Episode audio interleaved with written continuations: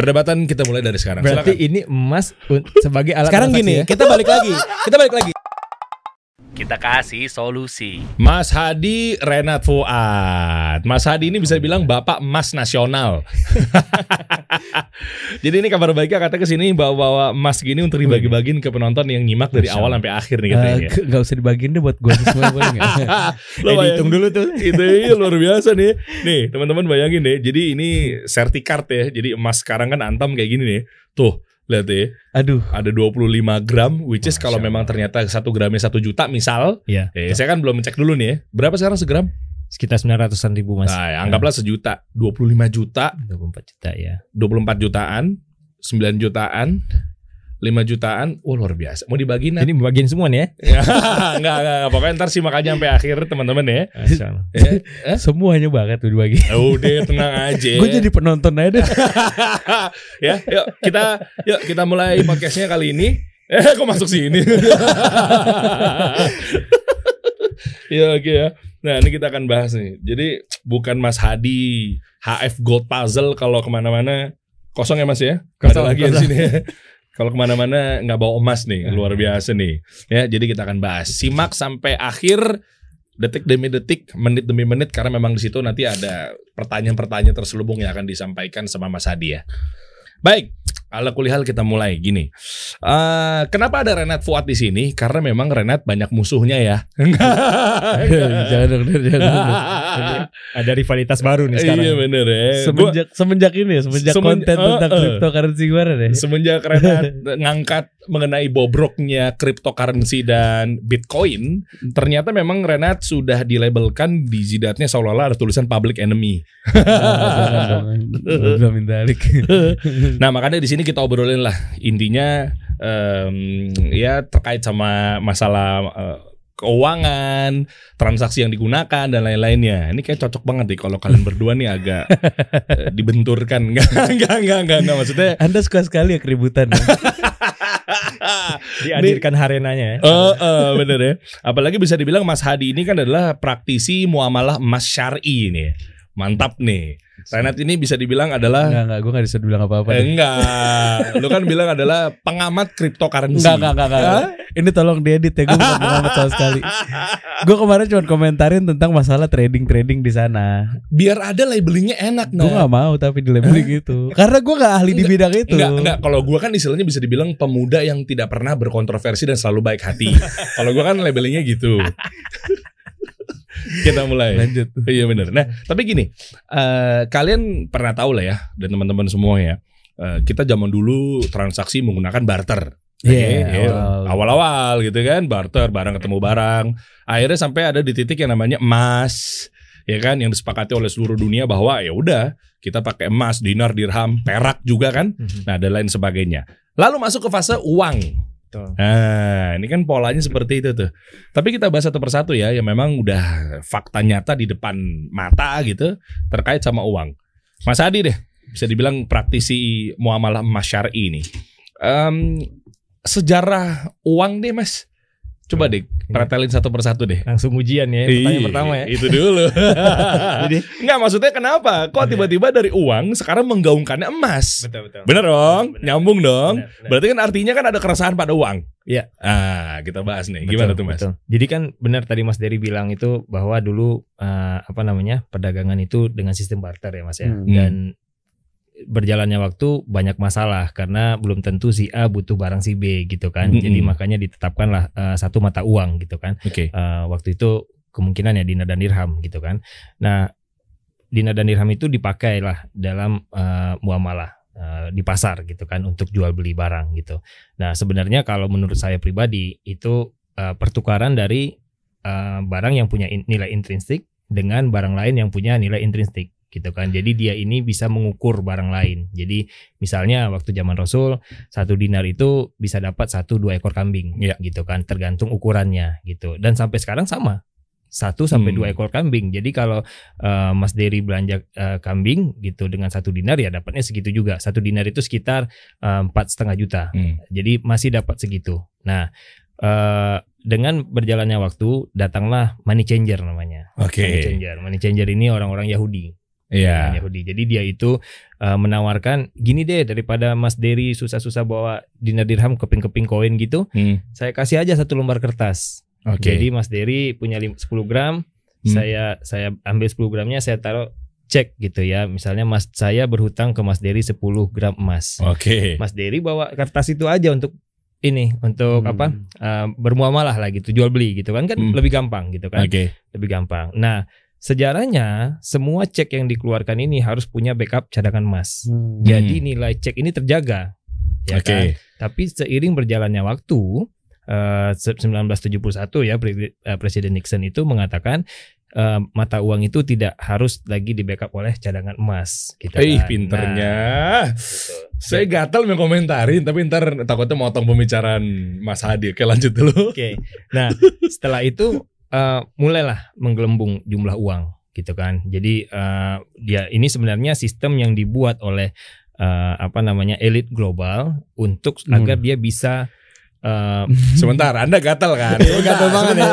Ini, ini, ini, ini baru awal nih, baru awal nih. Bentar, tolong pengamat cryptocurrency Guys, sabar dulu ya. der, der, der. Hah? Udah deh, Oh. Oke, oke, lanjut, lanjut. Gue gak, gak, gak ngamat Aduh udah Tapi viral net konten lo yang kemarin. Tapi bukan pengamat Gue tuh niatnya cuma karena iseng doang gak lo Gue iseng ah Oh, gua berarti kalau iseng berarti lu nggak punya data yang kuat dong. Data gue ada Maksud gue Oh. iseng gue waktu itu Ah gue bikin monolog ah kayak seru nih gitu Gara-gara Hmm. lu kemarin sama Hensa bikin tentang NFT kan Iya.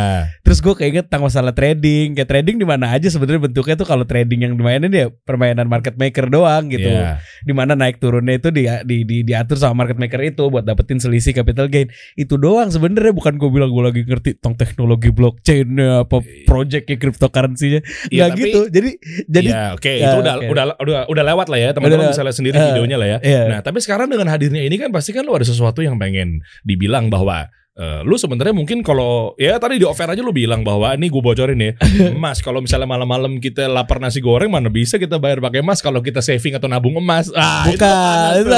Ah, pandangan gue bukan gitu. Jadi gini berarti pandangan gue adalah kontra sama emas dong? Gue nggak kontra gue nggak kontra.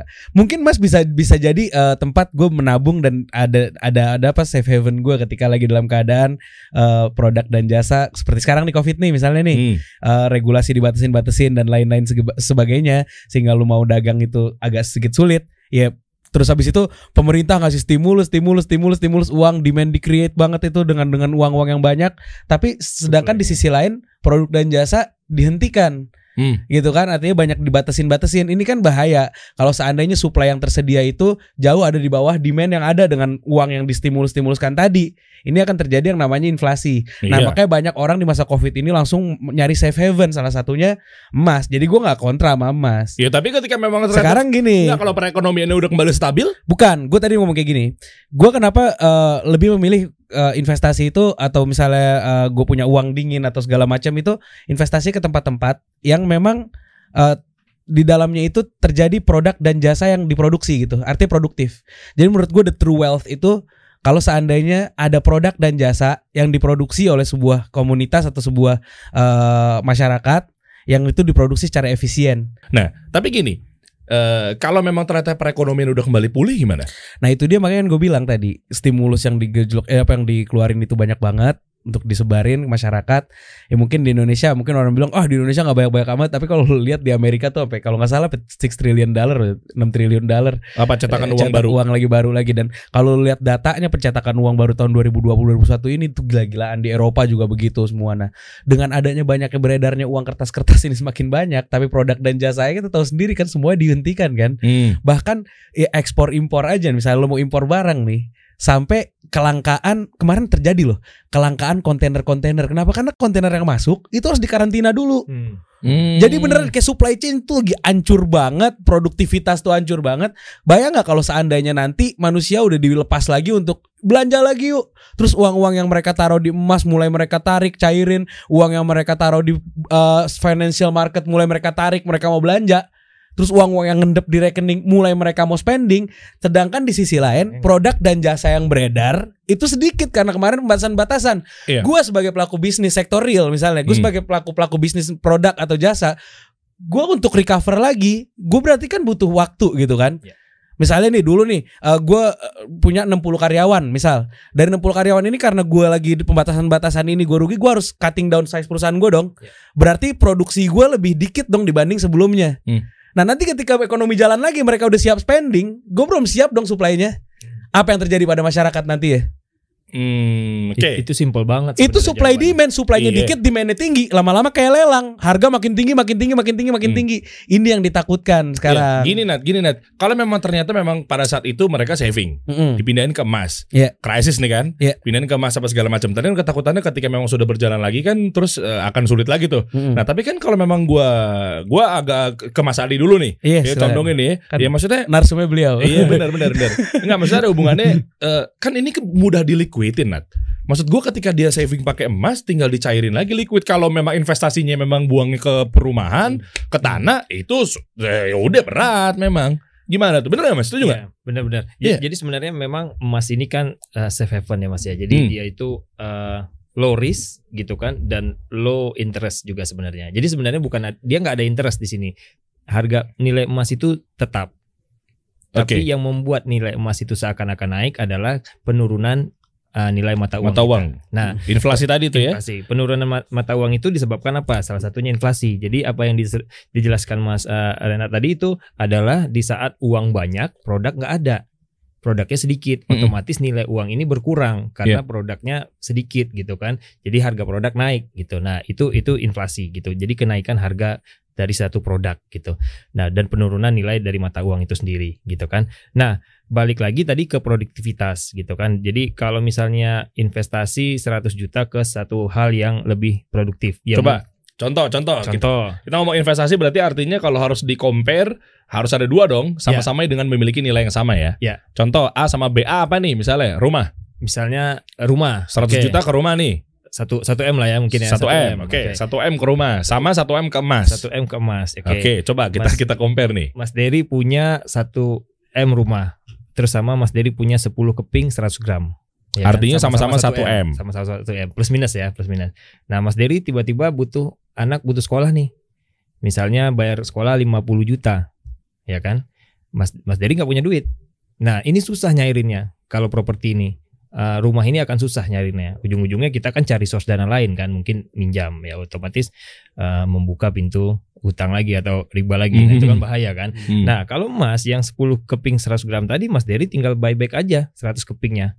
Ya, sorry, satu keping 100 gramnya. Ya, Hmm. Mas Dery dapat 100 100 juta gitu. Hmm. Nah, itu bisa di, di, di, di- dijadikan untuk biaya sekolah. Atau kalau di HF Gold Puzzle itu bisa di- dipecah dulu. Satu keping 100 gram kita tukar dengan dua keping 50 gram, mislan bimislin ya dan biadin, nanti satu keping 50 gramnya di buyback ke HF Gold. Dapatlah Mas Dery 50 juta untuk biaya sekolah anak tadi Hmm. gitu. Jadi dalam artian si emas ini memang dia lebih liquid. Nah, tapi gini Mas, kalau tadi misalnya di compare-nya antara 1 M dijadikan investasi rumah sama 1 M dijadikan investasi emas, nah saya mungkin lebih eh, percaya bahwa yang namanya rumah itu kan fluktuatif, tanah dan lain-lainnya. Mm. Nah, berarti bisa aja saya cariin ke rumah terus eh, duitnya dicairin ke cash gitu untuk bayar anak sekolah kan sifatnya kan naik kalau tanah asetnya. Kecuali memang itu berupa cash ditaruh di bank atau mungkin ditaruh di bawah bantal, Berarti rumah atau tanah Mas Dery tadi dijual dulu kan? Eh, dijual. Iya, iya sih, dijual dulu dijual kan? dulu. Iya. Ya sebenarnya challenge-nya adalah dia tidak lebih liquid. Jadi sebenarnya gini, Oh, pen- penambahannya mungkin ya properti bisa bisa lebih tinggi daripada emas. Nah, itu maksud It- saya. Itu bisa lebih tinggi. Ya, bi- bisa jadi lebih tinggi. Sebenarnya gini, investasi kita itu atau tabungan kita yang saya sarankan adalah ke eh, aset fisik apa pun itu.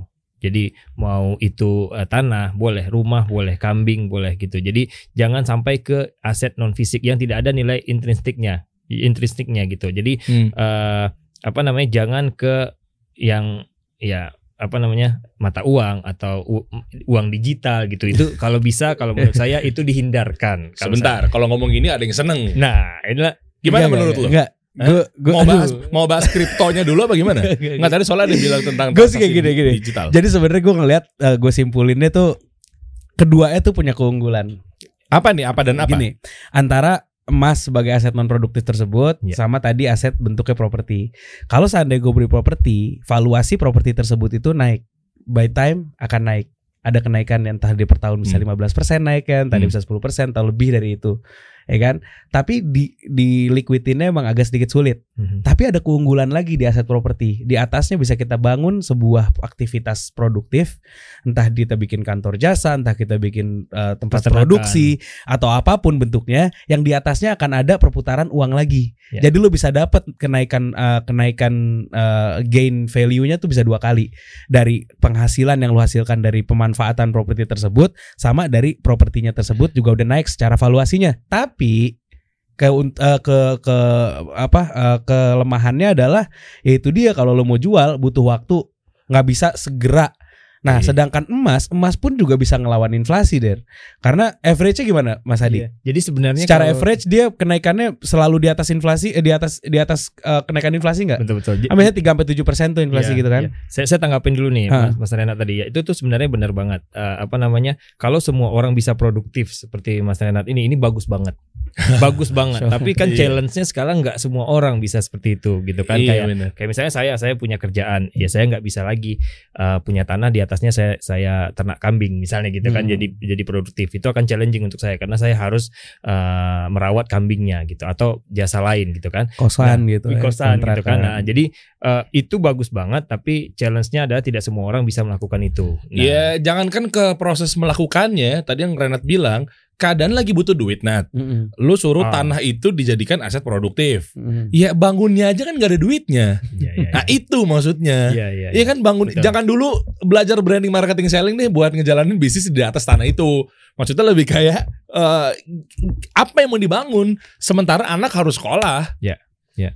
Itu sih maksud. Gimana menurut lu Nat? Kan gue bilang tadi makanya lu tergantung mau kayak gimana, berapa jumlah lu. Money managementnya kan juga harus ada. Gue kan bilang waktu itu income tuh nggak cuma earning income doang dari yang kita lakukan di pekerjaan sehari-hari kita, Iya. yang kita habisin waktu kita di sana itu namanya earning income. Hmm. Tapi ada juga yang namanya portfolio income atau aset income. Nah, salah satunya emas termasuk salah satu portfolio income atau aset income.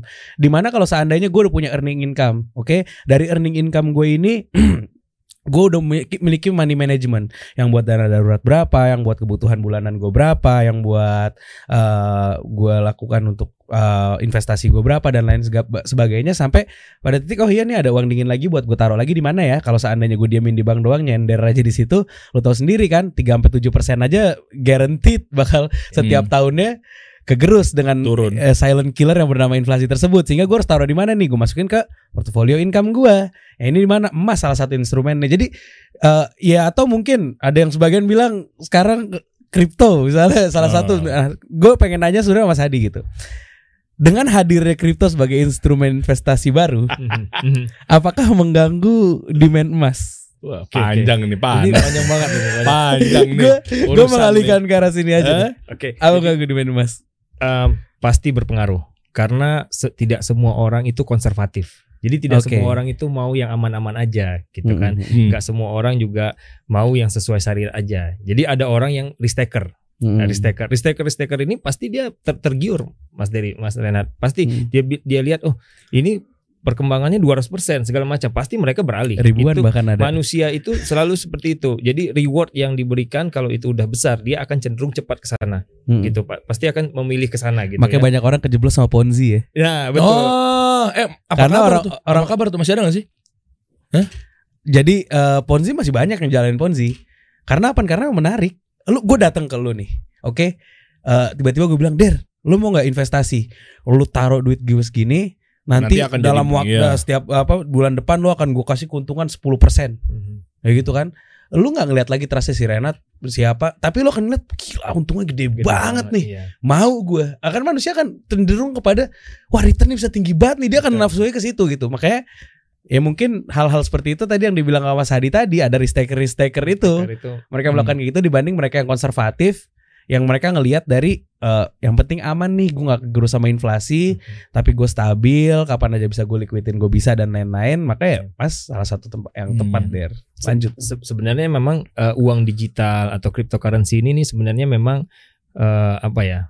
Memang Rasul udah ngomong juga gitu kan, udah ada Oh, iya. gitu loh. Eh, sabdanya bahwa akan ada satu zaman gitu kan tidak ada lagi yang berharga kecuali dinar dan dirham. Hmm. oh gitu ya Nah, akan ada nanti masanya di saat di mana uang kita itu udah nggak ada nilainya, uang fisik, apalagi uang digital, ya kan? Hmm. apalagi cryptocurrency. Memang dia tidak ada nilai intrinsiknya gitu. Nggak nggak jelas. Da- ini Hmm. mana ukurannya mana gitu. Nggak jelas. Kalau emas ini kan udah jelas ukurannya. 10 gram ya harganya sekian. Kalau dipotong setengah ya harganya 5 gram Iya. gitu kan. Nah bertambahnya uang digital itu akan memberikan resiko yang lebih besar untuk nilainya turun drastis Gitu ya. jadi jadi menggelembungnya itu Sekarang lagi bubble. bubble. Jadi dia menggelembung, tinggal meledak, udah nggak ada. nggak Tapi ada sekarang gini, mungkin banyak orang yang naruh duit di kripto itu karena ini mas, apa namanya karena teknologi blockchain yang dibilang menjadi future gitu. Mhm, mhm. Di mana teknologi blockchain ini eh, akan nanti diimplementasikan di depannya akan menjadi future dan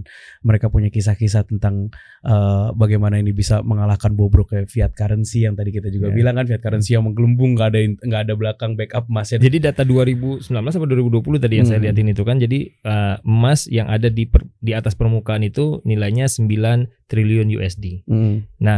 Uang yang beredar di seluruh dunia termasuk uang digital 90 eh, USD triliun. Mm. Gitu kan, berarti 10 kali lipatnya. Sekali kan. lipat. Itu dalam setahun bisa jadi 180 Mm. uh, triliun USD gitu. A- Artinya balik lagi ke demand dan supply tadi gitu. Hmm. Jadi semakin banyak dia semakin menggelembung dia semakin tidak ada nilainya nanti gitu. Oke. Jadi kalau menurut saya sih nunggu waktu aja. Oke. Nggak maksud gue se- sebelum pindah sorry der bentar. Hmm. Eh, sebenarnya sama sih sebenarnya sih mau itu bentuknya kripto atau kayak gimana dua-duanya pakai digital, tadi kan. Digital betul. Dengan teknologi yang sama. Cuman bedanya mungkin yang blockchain sekarang dikembangin sama ini buat decentralized itu. Mm-mm. Jadi eh, tidak ada third party yang mengawasi gitu. Seperti regulator-regulator itu untuk transaksi mereka. Jadi kalau misalnya mereka Direct mau market. transaksi bisa direct gitu Direct antara saya misalnya Mas Hadi nih eh, mau mau transaksi nih gitu pakai wallet saya transfer sekian di approve dan lain-lain tuh nanti jadi masuk satu blok Hmm, gitu iya. catatan terus dengan pokoknya dia punya tra- transaksi itulah gue gue pernah gue ini udah nonton berkali-kali ini tentang teknologi blockchain semakin gue nonton gue semakin Makin pusing tau gak lo Loh. bukan semakin bukan semakin gue ngerti tapi semakin gue nonton ini apaan sih gitu mungkin gue yang belum paham ya Der ya Iya, iya. Gini gini Nat, gini Nat.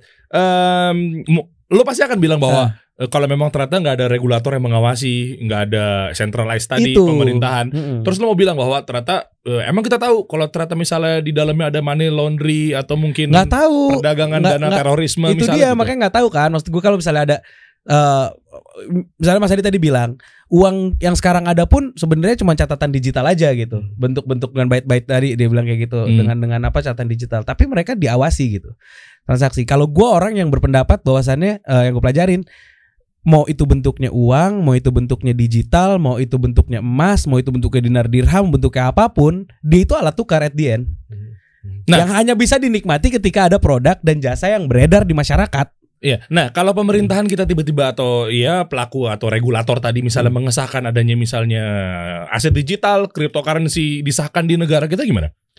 Kan diatur. Mm-mm.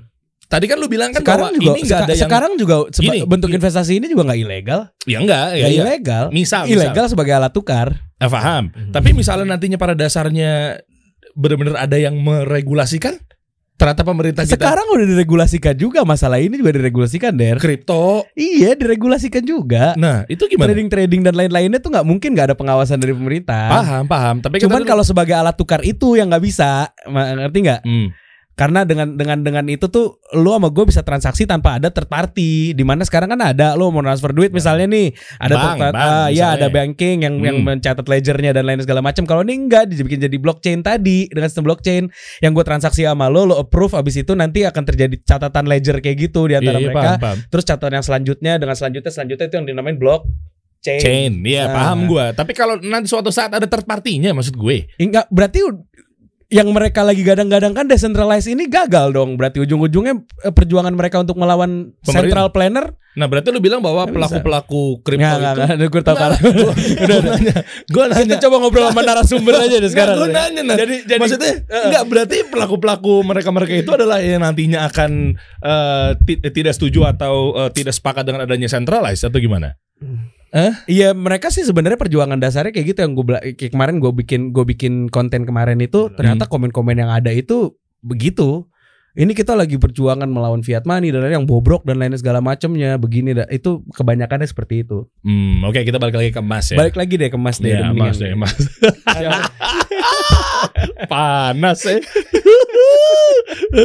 Kenapa Nat? Gue gua udah menghaluskan bahasa gue loh Nat. Gue nggak bilang dengan kata-kata yang satu kata yang langsung bisa menggertak loh. Gue padahal udah di kepikiran gue tapi. Gini deh, eh, Hmm. kita ngobrol Oke, tentang udah balik lagi ke Mas lagi, balik lagi ke Mas. Nah, artinya gini Mas Hadi, eh, yang digadang-gadangkan tadi artinya salah orang menggunakan uang kertas atau mungkin eh, ya uang yang beredar saat ini atau seperti apa? eh, uang kertas atau currency itu kan setiap, setiap negara berbeda ininya apa namanya currency-nya gitu ya Mas ya. Untuk Hmm. di Indonesia kan kita menggunakan rupiah. Jadi kita tidak salah karena kita eh, bertransaksi itu di negara kita harus menggunakan rupiah gitu. Jadi ya otomatis kita harus pakai rupiah gitu kan. Jadi apa apa pun yang kita punya emas ini ini tidak bisa kita jadikan sebagai alat eh, tukar. Tapi ini adalah instrumen tabungan kita sebenarnya. Jadi eh, u- kalau kita simpan currency kita tadi di dalam bentuk cash atau dalam bentuk digital di di bank, semakin lama kita simpan, semakin turun nilainya, Hmm. ya kan? Jadi kita harus segera selamatkan gitu. Jadi di saat kita gajian misalnya gitu kan, eh, kan kita punya dana untuk yang ditabung. Nah selama ini yang ditabung benar-benar ditabung ke bank itu atau ke lembaga ribawi, kita tabung dalam bentuk currency. Nah mulai saat ini kita harus ganti pola pikir kita. Sebentar, menjadi currency. Artinya berarti nilai 100 juta misalnya saya punya uang 100 juta taruh di bank berarti sebenarnya nggak ada dong. Kalau betul bisa jadi. Jadi gini, Tahu dari mana? ada data. Jadi eh, uang fisik yang beredar di seluruh dunia itu hanya 8% dari total uang yang beredar. 8%. Hmm. Jadi anggaplah kalau misalnya uang yang beredar di di seluruh dunia ini eh, sorry, Indonesia aja lah kita ngomong gitu ya. satu triliun eh, rupiah. Nah, yang ada itu cuma 8% dari satu triliun rupiah. Jadi di saat kita mau ambil uang kertas kita, bank itu nggak nggak punya sebenarnya uangnya. Nah, makanya kalau untuk nasabah-nasabah yang prioritas, kenapa dia suruh kita datang dulu, janjian dulu ke Hmm, bank gitu kan? hmm. Kenapa? Karena dia butuh waktu untuk menyediakan cash yang kita butuhkan. Oh, kayak kasus yang kemarin ada tuh heboh tuh yang sampai dia teriak-teriak di luar Aha. yang katanya dia punya 600 miliar di salah satu bank gak usah disebutin lah ya, bank swasta ternyata nggak bisa diambil pada saat itu juga. Betul, 600 miliar net mau diambil nggak bisa. betul. Maka- itu kasusnya jadinya. Iya banyak banget kasus kayak gitu. Jadi mereka harus membutuhkan waktu untuk mengambil uang uang kita. Jadi kalau Mas Dery nasabah prioritas justru nggak bisa langsung ngambil gitu ke ke bank. Karena misalnya Mas Dery mau ambil 600 miliar tadi ya, mana ada bank punya cash 600 miliar di, di, di berangkasnya dia gitu kan sebenarnya kan. Lo artinya berarti 600 miliar lagi diputar sama bank tersebut. Diputar. Dan itu kita nggak tahu diputarnya ke industri apa. Tapi sekarang sebenarnya kayak bingung juga sih dengan keterbatasan supply tadi em, emas juga sekarang kalau seandainya kita menggunakan emas pure dengan banyaknya populasi yang ada sekarang emas yang masih belum ditambang dan lain-lain segala macam kebutuhan transaksi itu per hari itu gede banget kan Berantem nih abis Betul. ini nih. Mantep nih. betul kan Saya suka nih keributan. kalau seandainya kita ngandelin cuma pakai emas doang sedangkan emasnya belum ditambang dan produksi itu bagaimana tuh Ah. gitu kan Betul. ketersediaan uang itu gitu Oke, untuk perdebat- transaksi Iya. gitu perdebatan kita mulai dari sekarang. Berarti Silakan. ini emas sebagai alat Sekarang gini, ya? kita balik lagi. Kita balik lagi. Sekarang kalau kita balikin deh, sebenarnya kita balikin lagi. Iya. Kita balik lagi deh. Hmm. Kan tadi kita udah bahas tentang sejarah eh, uang tadi kan, yang di mana awalnya dari barter dulu mas ya. Awalnya dari barter, terus habis itu gue nggak tahu gimana sejarahnya jadi emas gitu. Iya. Akhirnya masyarakat menganggap emas lah sebagai alat tukar nih yang bisa mengukur eh, suatu produk atau jasa ini dihargain berapa gitu. Ini alat tukarnya nih emas. Sampai akhirnya emas itu terlalu repot untuk dibawa-bawa karena apa? Emang transaksi semakin banyak der. Jadi untuk untuk untuk ini mungkin ada yang lebih praktis nih. Pakai apa? Pakai bentuk kertas aja statement. Tapi harus di backup sama emas ini dibaliknya gitu. Makanya akhirnya uang dengan backup gold. Sampai pada titik akhirnya transaksi semakin banyak lagi untuk produksi emas mungkin kurang efisien. Makanya ya udah, pokoknya sekarang kita bisa produksi dengan hitungan-hitungan yang sekarang dengan fiat currency sekarang yang berjalan. Emas itu akhirnya jadikan komoditas. Mhm. Nah, kenapa Mas Hadi tadi bilang ya ini nggak bisa jadi transaksi, emang nggak bisa jadi transaksi, tapi dia bisa jadi instrumen nabung yang bisa mengalahkan eh, purchasing power lu yang turun dari uang tersebut karena apa? Karena emas ini nilainya naik. Jadi gini, semakin banyak diproduksi uang, ya kan akan semakin banyak demand. Makanya akhirnya demand orang ke emas makin tinggi. Pokoknya harga itu akan mengikuti deh. Dengan makin banyaknya ini produk dan jasa yang se, se- seada- yang ada itu akan mengikuti gitu. Jadi kalau makin banyak uang ya sekarang makanya emas harganya tinggi karena banyaknya uang ini mereka pengen nyari safe haven mereka kan. Akhirnya beli emas, makin banyak minat emas, harga emas makin tinggi. Gitu aja sebenarnya sih. Iya, sebenarnya bukan emas yang tinggi, Nat. Emasnya mas tetap stay. Emasnya tapi tetap stay, tapi nilai- karena uangnya diproduksi terus, Itu. diproduksi terus ya kan, di, di, di, di- berkurang. dialirkan terus uangnya, Heeh, akhirnya jadilah lebih tinggi barang-barang tersebut gitu. Iya, eh, sebenarnya inflasi tadi. Makanya gue tuh at the end, at the end menurut gue, at the end, ini semua tuh currency aja, ya kan, Hmm. cuman alat tukar. Lu the true wealth yang sebenarnya adalah ketika suatu masyarakat mereka memproduksi barang dan jasa secara efisien Mhm. Sehingga kita bisa menikmatinya gitu der. Kayak contoh deh, gue punya emas 7 kilo deh di depan mata gue misalnya, Wih, 7 miliar tuh. iya, iya, iya. ya kan? Terus gue malam-malam lapar. Gak ada tukang nasi goreng Atau gue punya uang deh Bentuknya apa Cryptocurrency kayak gue punya di bitcoin wallet gue Atau gue punya misalnya di wallet eh, currency gue Atau gue punya di bank gue Di rekening gue Atau dalam bentuk cash Atau dalam bentuk emas Gue lapar Tapi gak ada tukang nasi goreng Gue bisa makan nasi goreng gak? Iya, ya enggak gini Nat polanya Nat. Jangan semuanya dijadiin emas dong. Kan kita kan Iya ke pemerintahan kita tetap pakai rupiah Nat. Enggak, gue lagi ngomong mau itu bentuknya emas, rupiah, mau bentuknya Tinggi, bitcoin, mau bentuknya dolar. ethereum, mau bentuknya apa, mau bentuk kripto, bentuk apa pun deh bentuknya. Iya, cuma kan Dia alat tukar der, Iya, betul. ya kan? Cuma yang bisa dinikmati adalah produk dan jasa yang Mm-mm. beredar di masyarakat. ya. Itu maksud gue at the end tuh yang penting tuh itunya produktivitas. Lo produksi barang dan jasa secara efisien sehingga masyarakat bisa menikmatinya. Nah mau bentuknya emas mau apa pun ya nggak masalah. Nah sekarang emas jadi komoditi. Kenapa emas ini gue pengen masa apa eh, investasi di emas misalnya gue pengen taruh di emas. Kenapa? Karena emas ini bisa ngalahin inflasi tadi. Mm-mm. Gue nanya tadi sama Mas Hadi, average emas berapa sih Mas eh, setiap tahunnya tuh? Average secara average ya bukan misalnya tahun kemarin kan bisa sampai gede banget Iya. tinggi. Berapa Mas? Sekarang 15% ada nggak? Jadi itu eh, rata-rata kenaikan bukan kenaikan harga emas, penurunan nilai rupiah berarti kan. Eh, terhadap emas Hmm. itu adalah 8 sampai 14% per tahun, Mas. Oh, nggak Tapi nyampe memang 15 ya? nggak nyampe ya mungkin ada Average ada waktu-waktu tertentu Hmm. yang 15 gitu kan. Nah, bahkan yang yang paling ekstrim kemarin itu kan yang Juli 2019 ke Juli 2020 itu 37% kenaikannya. Jadi Uh. eh, jadi bayangkan ya investasi apa yang bisa se- se- se- sebesar itu. Ya, Hmm. tapi ekstrim itu jangan kita jadikan patokan gitu kan. Sebentar, itu mungkin di masa pandemi kena tuh. Ya, Kalau di masa pandemi ya pasti 30% lebih Betul. wajar. betul. Ya dong. Betul, betul banget. Tapi Betul fair nggak? Berarti keukur nggak tuh indikasinya? Kalau Enggak. ternyata enggak. Jadi ya kita ambil yang rata-rata aja. Jadi kayak 8 sampai 14% per tahun dan itu juga suku bunga mana yang yang bisa ngalahin atau in- inflasi mana yang bisa Oh. ngalahin sebenarnya kan gitu. Sekarang kan pertanyaannya nilai inflasi itu benar nggak sebenarnya? Yang yang mem- membuktikan inflasi sebenarnya adalah misalnya harga telur tadinya berapa sekarang jadi berapa. Nah, itulah sebenarnya Hmm. penurunan uh, nilai mata Purchasing uang power. kita, purchasing powernya gitu. Oke, tapi kan pada dasarnya gini Mas Hadi. Berarti artinya eh ente bervisi atau misi ke depannya atau campaign gitu Hmm. bahwa orang-orang ini tujuannya hanya saving aja Oke. atau memang menjadi eh, apa nih alat tukar atau seperti apa Betul, betul. yang digaungkan sama Mas Hadi and Jadi- team gitu dalam artian toh juga kemarin ada yang coba-coba nggak mau saya sebutin namanya ya ada yang melakukan transaksi di salah satu daerah ya sebut saja Depok misalnya ya kan pakai dinar dirham dan lain-lainnya ternyata Iya tidak eh, terbukti jalan juga yang Iya. akhirnya malah berujung ke pengadilan dan lain-lainnya. Betul betul. Jadi Nah, itu gimana? sebenarnya tuh purpose saya di sini adalah lebih ke uh, real problem yang ada di masyarakat. Jadi ada ada sebenarnya tiga problem utama. Yang pertama itu uh, consumptive behavior. Jadi boros gaya hidup boros kita yang sekarang nanti saya jelaskan satu-satu. Kedua inflasi. Ketiga adalah pinjaman berbunga atau riba Hmm. gitu kan. Jadi dengan kita mengkonvert uh, rupiah kita ke emas, pertama itu akan mengurangi gaya hidup boros kita Hmm. gitu. It- itu yang pertama yang saya mau pecahkan di di masyarakat gitu. Uh, karena sekarang ini uh, orang tua kita mengajarkan kita nabung dengan uh, currency, Hmm. nabung di lembaga ribawi. Hmm. Waktu zaman orang tua kita dulu make sense. Kenapa? Karena mereka kalau mau ke pasar, ambil dulu uangnya ke bank. Dulu mungkin nggak ada ATM. Ambil dulu uangnya ke bank baru ke pasar. Jadi Hmm. aman duitnya. Hmm. Tapi di masa kita sekarang udah tidak relevan lagi karena kita nggak harus ke ATM ambil duit baru bisa belanja. Oh Kita- ngeri.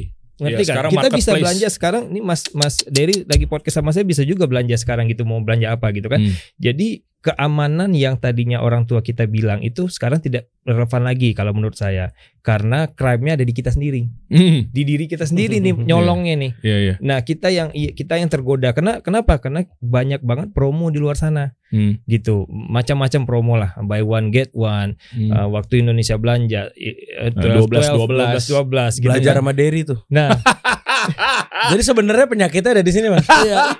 Nah, jadi Gara-gara gue gaungin campaign ilmu tersebut, selling dan lain-lainnya, sehingga orang-orang jadinya tergiurkan untuk belanja. jadi Tapi tumbuh lah ekonomi dengan ini. Iya. Iya, jadi kalau kita mau niat nabung tadi jadi tidak aman. Hmm. Uang yang ada di rekening kita itu jadi tidak aman karena apa? Banyak banget godaannya. gitu. Ada contoh kasusnya. Ya banyak banget. Kalau misalnya Mas Dedi sekarang uh, punya 10 juta di, di rekening sama coba di apa namanya disandingkan dengan 10 gram mana duluan habis? Ya kan ibaratnya pasti 10 juta karena memang ya itu arah tukar. Tapi make memang sense. untuk ngerem gaya hidup boros tadi itu Mm-mm. ya kita emaskan aja gitu. Pastikan kita punya uang untuk bulanan. Mm-mm. jadi kita itu nggak belanja apa yang tidak perlu. Karena banyak banget nih contoh nih contoh real. Mungkin Mas Dery sama Mas Renat tahu kalau saya jalan ke rumah saudara saya banyak banget paket bertumpuk-tumpuk belum dibuka Mas Dery Oh, saya juga Iya demikian. kan bener Istri- bener nggak? Istri saya pun juga demikian. nah. Hai, kamu nonton kan? kenapa bisa kayak gitu? Karena itu sebenarnya barang nggak perlu. Banyak kan tuh Mas Dery juga punya pengalaman sendiri ternyata kan? Uh, ada barang-barang yang nggak dibuka. Karena nggak butuh. Nggak butuh tapi dibeli. Kenapa dibeli? Karena banyak pancingan dari Hmm. digitalisasi tadi gitu. Kita godaannya banyak banget gitu. Nah lebih baik kita menghindar dari godaan itu gitu. Sehingga kita bisa menabung. Karena resiko teman-teman yang seumuran kita sekarang ini eh, ke sana. Resikonya itu gagal menabung karena memang channel untuk berbelanja itu banyak banget Loh, tapi Mas gini, kalau oke lah dijadikan emas, ya kan? Tapi kan ada ada peluang untuk di buyback juga. Betul. Bahkan di buyback juga harganya malah jadi turun. betul jadi Itu gimana? Malah malah sama aja dong rugi dong. betul jadi kalau kita ngomong hidup boros tadi paling nggak itu ngerem Contoh Jadi- misalnya, contoh misalnya saya punya satu juta, Mm-mm. saya jadikan satu gram emas. Iya. Ya kan? Saya mau belanja sesuatu. Yang dibutuhkan adalah saya belanja di di HF Gold, Mm-mm. terus tiba-tiba dapat satu gram. Iya. Oke. Iya. Nah satu gram ini tiba-tiba minggu depan, depan. ya minggu depan atau dua minggu lagi atau bahkan bulan depan lah ada kebutuhan mendesak harus Iya. membeli sesuatu yang nilainya hampir satu juta misalnya. Iya, iya. Otomatis kan jadinya rugi Iya. sembilan ratus ribu gitu kan? Ya, it's, it's true Mas. Jadi uh, emas itu ada spread cost namanya. Uh, spread cost itu biaya beli dan biaya uh, harga beli dan harga buyback gitu ya. Mm-mm. Itu sekitar uh, 10%, 8 sampai 10% Oke. gitu penurunannya. Jadi ini ada sebenarnya kasus uh, real case gitu Mas ya. Mm-mm. Jadi ini saya juga belajar dari customer saya gitu. Jadi waktu itu bulan Juni 2021 uh, di Rawamangun dia beli 0,5 gram. Saya yang nganterin sendiri emasnya. Artinya lima ratus ribu tuh. 500 ribu, Oke. 550 lah misalnya gitu ya. Hmm. Terus dia bilang, Mas ini bulan depan saya buyback ya masnya. Loh? Saya kaget. Ya kan? Kok di buyback satu bulan kemudian mas? Bukannya nanti harganya turun saya Hmm. bilang gitu kan? Mungkin jadi 500 ribu. Jadi dia mungkin uh, rugi 60 ribu lah misalnya. Oke. ya, uh, 500 ribu. Dia bilang nggak apa-apa mas. Nggak lebih baik saya kehilangan 60 ribu daripada uang 500 ribu ini habis besok Oh ngerti, ngerti Iya kan? karena lifestyle tadi. lifestyle tadi Iya kan nggak nyampe satu bulan tiba-tiba 500 ribunya sudah habis mungkin dipakai buat ini itu ini yang ah sebenarnya kita bukan needs tapi wants. betul banget jadi Oh. Saya butuhnya bulan depan mas kata dia. Bulan Juli saya butuh duit ini. Nah itu ternyata ini saya juga baru belajar ternyata si emas ini juga bisa ngerem gaya hidup boros kita tadi gitu. Oh. Instrumen untuk bisa apa ya menghindari lah godaan-godaan yang tadi. Oke, berarti yang pertama. emas itu bukan ini sebuah investasi yang digaungkan sama Mas Hadi. Saya kalau saya lebih cenderung ke tabungan emas daripada investasi gitu. Jadi kalaupun nanti kita untung itu bonus. Yang Oh. penting pertama tadi ngerem gaya bor- hidup boros dulu yang Oke, pertama. Nah oke. Yang kedua kan inflasi mas, Hmm. inflasi. Jadi melindungi dulu harta kita dari penurunan nilai mata uang kita. Sekarang rupiah itu bukan mata uang terbaik dunia. Jadi kalau menurut saya, ya kalau misalnya lebih baik nabung rupiah apa dolar? Dolar kalau saya, Hmm. karena dolar tuh lebih kuat posisinya daripada rupiah. Apalagi bentar lagi mau tapering. Nah, ini udah dak dikduk gitu kan. Sekarang ke- Kementerian Keuangan dak dikduk gitu. Berapa nih inflasi nanti gitu kan. Hmm. Nah, kita punya uh, currency uh, rupiah kita convert aja ke emas untuk melindungi nilainya dari inflasi. Yang ketiga ya tadi bunga interest itu riba. Jadi ya kalau bisa tuh kita sebagai umat Islam ya kita minimalisir lah uh, dana kita di lembaga ribawi gitu Hmm. karena yang pertama yang kita bisa lakukan delete bunganya jadi bilang sama bank saya nggak mau ambil bunganya yang kedua minimalisir tabungan kita di bank jadi uh, convert itu menjadi ke emas gitu. Hmm. bayangkan kalau kita umat muslim di, di Indonesia ini semuanya tabungannya dalam bentuk emas Uh, Ba- bagaimana sejahteranya negara ini gitu kan berarti bank pada tutup dong ya? Iya, bank itu yang ngasih sistem aja ke kita Oh, ya kan, iya. sistem transfer apa segala macam gitu. Tapi minimalisir dana kita di sana. Oke, Itu gimana? itu suggestion saya sih. Bapak tadi kayaknya mau bicara Nah, gitu. siap-siap. Eh, gatal banget yang dibahasnya. Yang mau disikut bagian mana nih? Enggak. Eh, Oh enggak. Kalau kita disuruh nabung emas atau suruh nabung, Hah? ini akhirnya jadi kayak sekarang nih ekonomi nggak tumbuh. ini Gua udah produktif, ini orang nih. produktif Ini ini. orang- gini, gini, Nggak, gini. nih, Tar Ini dulu dong. Sisinya produktif sama non produktif. Iya. Tapi kalau orang lu adu gua di sini berantem jadi loh. Nggak, sekarang gini, sekarang gini. Eh duit yang sekarang kemarin itu tahu gue pernah bikin konten juga masalah ini bahkan. Iya.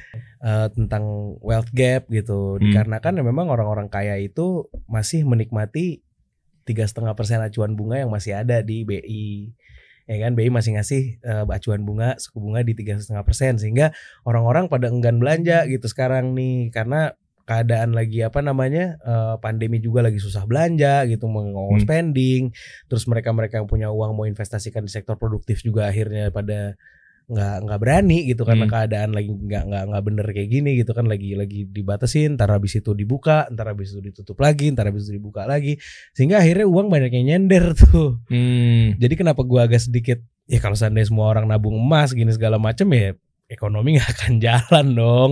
Ekonomi jalan kalau seandainya terjadinya transaksi-transaksi der. Jadi orang-orang yang pada punya uang mereka belanja. Belanja kan nanti ujung-ujungnya bisnis akan produktif dan akan meng-hire banyak employee. Nah, dari banyak employee tersebut akan dapat gaji-gaji. Dari gaji mereka mereka spending lagi sehingga ekonomi berputar gitu. Jadi kalau orang-orang kaya ini mau spending uang mereka dan nggak terus-menerus budaya nabung mereka segala macam, itu tentu akan membantu justru ke bawah. Jadi ada redistribusi harta. Walaupun ya dalam Islam kan ya, kita alhamdulillah juga ada sistem yang namanya zakat, sedekah dan lain-lain sebagainya infak di mana ada redistribusi harta yang dianjurkan bahkan kalaupun lo nggak mau yang sunnah diwajibkan gitu Hmm. diwajibkan dengan apa dengan zakat tadi gitu Hmm, iya, iya, Ya iya, kan? iya. Mem- dari orang yang punya kaya mereka mau menumpuk keuangan mereka paling nggak dua setengah persen dari liquid mereka Iya. tersebut kan jadi zakat mal yang harus diredistribusi ke orang-orang yang nggak mampu Iya, gitu iya gue paham memang. Cuma maksudnya Mas Hadi mungkin lebih kayak gini Nat.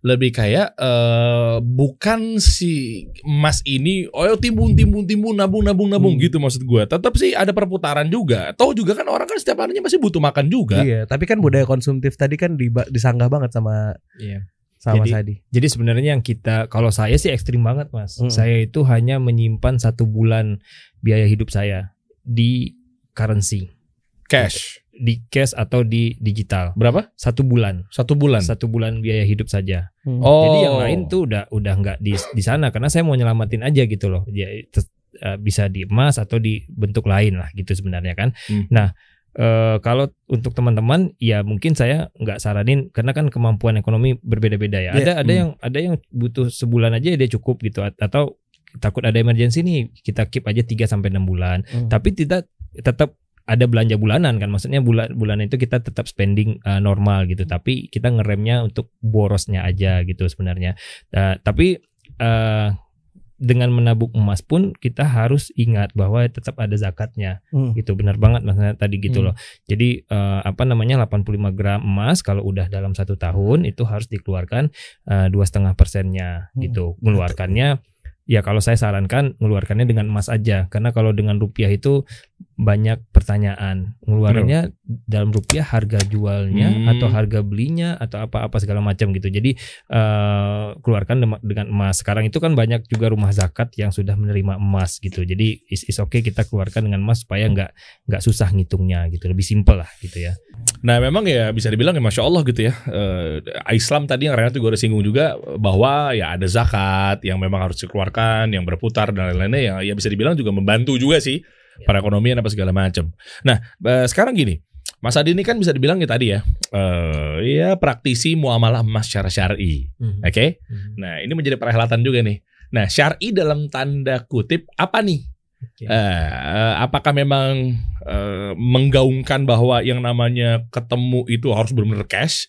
Kan sempat ya denger ya Mhm. perhelatan antara ada yang kubu yang emas itu nggak bisa kalau ditransfer harusnya dikasih cash, Mhm. ya kan? Nah sementara ada yang kubu yang lainnya juga nggak masalah cash, yang penting detik itu juga. Ya. Yang jadi masalah adalah ketika pagi kita ketemuan, harganya berapa nih satu gram saya beli ya, ya udah siap. Kalau gitu ya saya mau jalan-jalan dulu mau sepedahan, ntar sore saya transfer ya. Nah itu nggak bisa tuh, Betul. ya kan? Nah maksudnya apa seperti apa nih yang secara syari ini? Oke, saya itu sebenarnya penganut eh, yang sangat konservatif gitu. Sistem yang sangat konservatif eh, muamalah emas yang eh, memang diajarkan Rasul gitu ya. Eh, apa namanya? Pertukaran emas dengan mata uang itu syaratnya ya dan biadin dari tangan ke tangan, Mas. Jadi eh, harus cash itu dalam artian tidak boleh dicicil.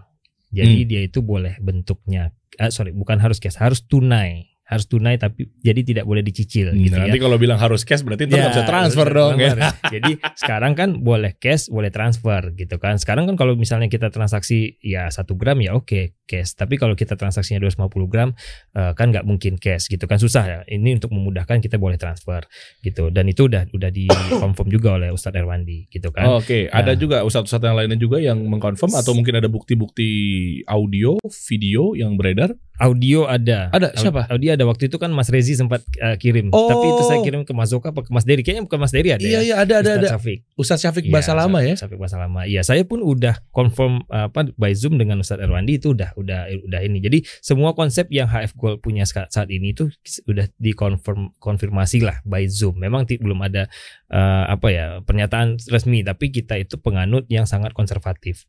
Konservatif di sini itu sebenarnya bagus untuk customer. Ini kita semua masyarakat harus tahu, harus aware.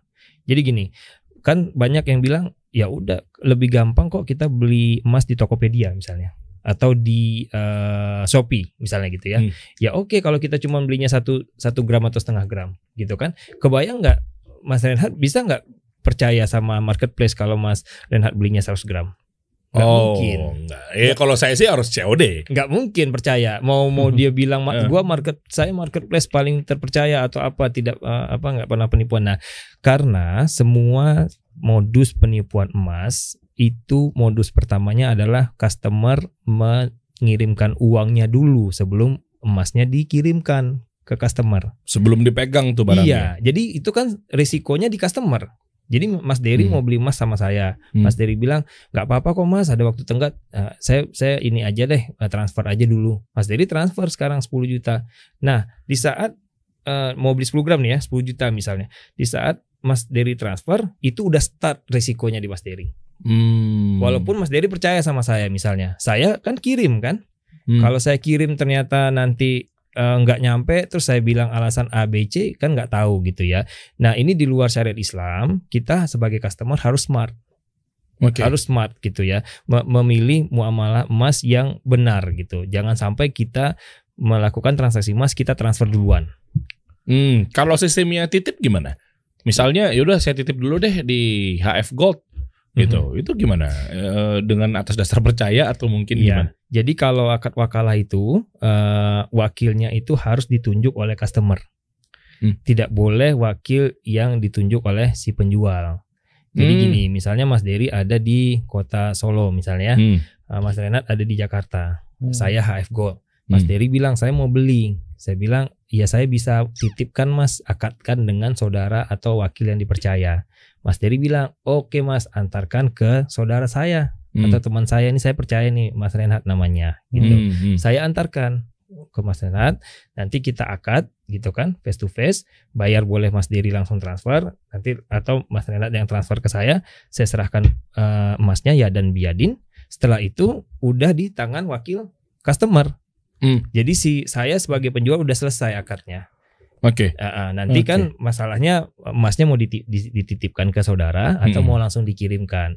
Itu Hmm. boleh. Jadi apa praktis muamalah emas syari itu ya itu yang benar-benar kita jaga, Mas. Hmm. Banyak banget customer tuh yang nguji sebenarnya. Nah, Nguji-nguji maksudnya dia. gimana? Mas saya transfer duluan aja ya. Nah, itu banyak pedagang yang dia kalau dia tidak punya landasan yang kuat, ya dia bilang nggak apa-apa transfer aja dulu. Yang penting transaksi ini jadi dulu. Itu banyak banget kayak gitu. Oh. Yang penting jadi dulu gitu kan. Jangan sampai transaksi ini nggak jadi gitu. Ibaratnya kan gitu kalau uh, UMKM lah ya Hmm, hmm. gitu. Nah, eh, kalau kita tuh nggak mau, nggak boleh, nggak boleh ditransfer dulu, nggak boleh Pak ditransfer dulu. Tunggu dulu emasnya datang, nanti kita verifikasi bersama emasnya, baru nanti transfer gitu. Eh, ya tetap ya dan biadin gitu. Dan, Oke. dan dan itu ujian banyak yang uji. Mas saya transfer dulu ya. Kalau kita bilang iya, udah stop. Mereka nggak akan eh, ini karena customer HF Gold Oh. itu followers HF Gold ini ini benar-benar hot market mereka yang benar-benar mengerti Oh, jadi Bagaimana? maksudnya tuh artinya uji itu dalam artian Betul. dia ngetes. ngetes Ngetes bahwa ini sesuai dengan syariah apa enggak sih? Benar. Satu. Atau yang kedua, ini penipu apa enggak sih? Mm-mm. Kalau memang ternyata disinyalir dia bilang ya udah transfer dulu aja. Nah, Kepukul dua tuh. Satu bisa jadi dia nggak syari dan yang kedua bisa jadi dia penipu. penipu. Betul. Oke. J- Jadi perlu diingat nih semua masyarakat, semua bentuk penipuan emas itu adalah customer transfer duitnya duluan. Oh ini kasusnya kayak teman saya tuh. Teman saya habis ngumpulin eh, dia kalau nggak salah jadinya dicecer 7 miliar. Hmm. Saya pernah cerita nggak sih waktu itu? Iya iya, kayaknya Iya. ada di storynya Mas Dery iya, ya, iya, iya. ya. Iya, 7 miliar gara-gara ya online. Iya iya. Emas online, emas online tuh kacau banget loh. Mm-mm. Nah, kita bahas tentang trading emas deh Mas. yang di- Nah. Itu gimana tuh? Kalau dia masuk tuh, pasti lu. Loh, tapi kan semuanya bisa ditrading kan, Nat?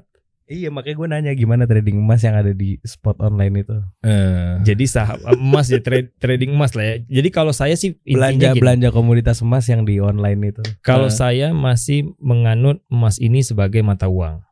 Saya pribadi. Jadi emas ini di saat dia ditransaksikan harus tetap dengan mata uang harus tetap ya dan biadin. Hmm. Bisa tidak ti- bisa tidak tunai emas ini, tapi harus diter- ditransaksikan dengan eh, komoditi yang ilatnya beda. Misalnya gini, emas ditukar dengan batu bata. Boleh, Mas. Misalnya Hmm. kasih Mas Renat sekarang 10 gram, Mas Renat bilang batu batanya nanti dua truk saya saya kirim dua bulan lagi. Itu Hmm. boleh. Berarti kita transaksi pakai emas dong. Iya, itu boleh secara syariat, tapi Hmm. secara Regulasi. regulasi. regulasi tidak dibolehkan gitu kan. Makanya tidak tidak ada sekarang yang kayak gitu, gitu kan. Tapi kalau kita mau nyicil emas, ya caranya nyicilnya kayak gitu. Nah, balik lagi ke tadi, emas ini harus ada fisiknya. Di saat kita trading kan nggak ada fisiknya, Hmm. nggak jelas. Kita cuma transfer duit, dia punya nggak emasnya? Nggak tahu kita. Nggak tahu kan. Hmm. Nggak tahu kita dia punya emas apa. Nah, itu ada ada nggak celah kerugian ke customer? Pasti gede. hmm.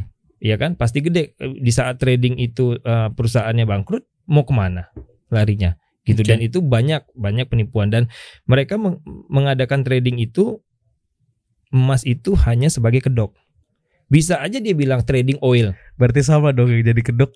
Nah Udah, udah, Loh, di, Udah, udah, udah, Nggak, udah, bukan, udah, bukan, udah. bukan. Udah, udah, Lu udah. nggak mau Udah, dipancing, udah, udah, udah, lu udah, sendiri, dipancing. Sorry, sorry, sorry. lu sendiri yang lempar kail. Jadi apa sih tadi? Eh, Sorry, eh, sorry. Gua mau makan nih padahal nih Nggak, umpan lu nih. eh, tulip lover. Oh, zaman dulu. Paham gak? Paham gak? itu saya nggak itu apa Eh, zaman dulu tulip yang zaman Belanda kan wah ini gue gue bemuin ya jadi bubble apa segala macam dia waktu itu nah kalau Ah. sekarang bukan tulip betul betul nah kenapa dia bilang emas kenapa dia bilang eh, apa kedoknya emas supaya semua orang tertarik Mm-mm. Kalau dia Eh. bilang trading bebek ya nggak ada yang mau, gitu kan? Nah Eh. sekarang trading bisa bisa dia bilang trading oil and gas misalnya minyak gitu itu bisa minyaknya dia punya apa enggak nggak tahu kita.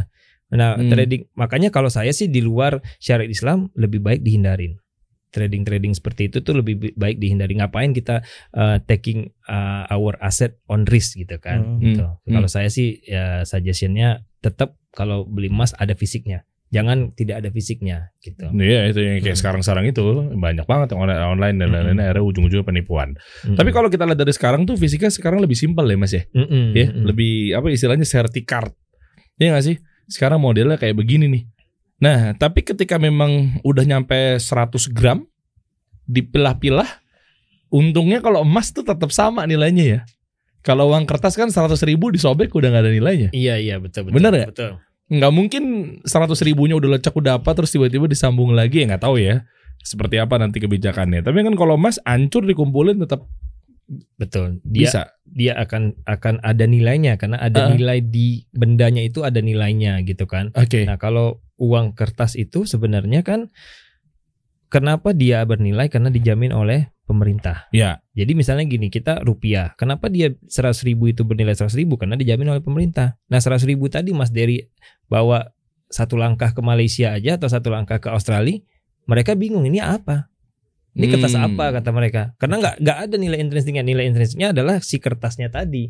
Tapi angkanya tadi itu dijamin oleh pemerintah Indonesia, makanya bisa dilakukan di Indonesia. Nah, sementara emas gitu. Kalau Mas Dery sekarang bawa emas ini ke Australia, Mas Dery bisa uangkan menjadi dolar Australia karena Oh. ada nilai intrinsiknya. Nah, 10.000 ribu tadi ya bisa juga di exchange gitu kan, Hmm. Eh, money di money Money changer, changer. gitu kan, tetap harus di exchange. Tapi kalau yang ini bisa di seluruh dunia juga gitu. Artinya value-nya disepakati.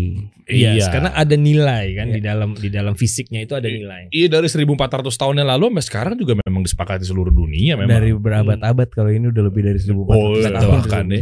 betul betul tapi nilainya yang tetap tadi kan yang saat zamannya Umar bin Khattab gitu kan eh, satu dirham itu sama dengan satu ekor ayam sama Hmm. sekarang satu ekor ayam ya nilainya sekitar 70-an ribu gitu sama Hmm, Gitu. Oke, Iya, cuma tetap sekarang lebih ya. murah sekarang ya ayam karena 40 Ayam ribu berapa? satu ekor 40 ribu ya? ribuan ada yang 40 34 ribu ada yang 40 ribu An- ya sekitar segitu lah anaknya 30 atau 40 ribu ya Ah, beneran mungkin saya salah ayam ya, besar kan?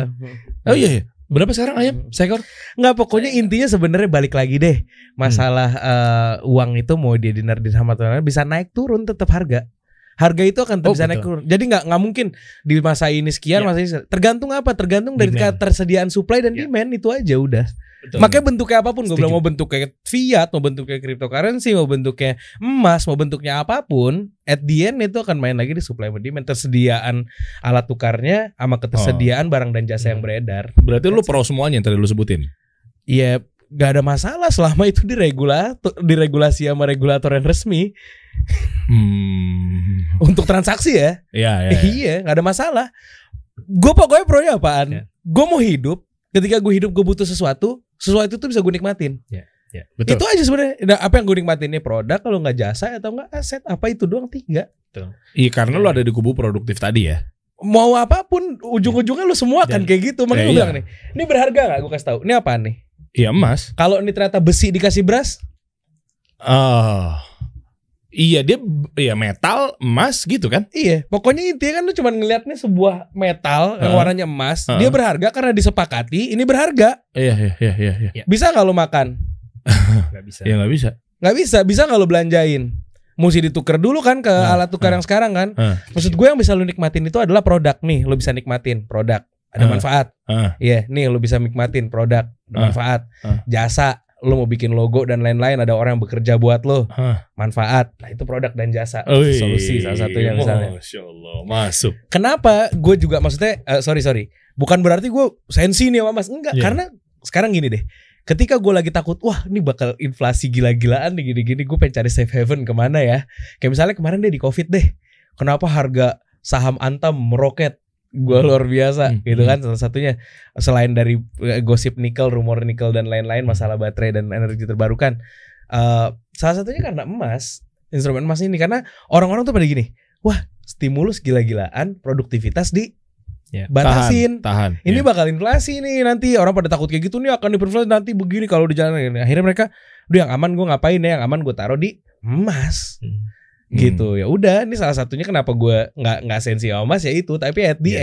end Ketika ekonomi udah pulih, lu pasti ke situ arahnya. at the end menurut gue the true wealth itu bukan dengan Iya. banyaknya emas atau banyaknya uang dan lain tapi banyaknya produk dan jasa yang bisa kita nikmatin itu aja udah Iya, kalau ada yang bisa nikmatin, Iya. kalau ada yang eh sorry, kalau ada yang bisa produksikan, kalau ada yang nggak bisa memproduksikan secara produktif, akhirnya duit yang jadi apa yang terjadi? Duitnya cuma jadi sampah doang. Kayak waktu itu pernah di mana tuh? Kalau nggak salah Zimbabwe apa di mana Iya. tuh yang waktu itu perinflasi sampai duit oh terjadiin hancur. kapal terbang Iya, dan segala iya, macam. karena dicetak gila-gilaan tapi ya se- sektor uh, supply-nya ya nggak ada. Jadi nah, coba kita kita beralih eh, tanggapan statement dari eh, praktisi muamal emas Oke. syar'i. Gimana menanggapi jadi eh, Bapak Renat Fuad Hafidahullah. benar sih emas ini tidak bisa kita jadikan alat untuk menikmati barang dan jasa. Makanya sekarang tuh eh, gaji pegawai ya bukan emas misalnya gitu ya. Walaupun Hmm. pemerintah udah kalau gaji pegawai emas ya dia nggak bisa beli kopi di bawah gitu kan. Tetap harus ada rupiah gitu kan.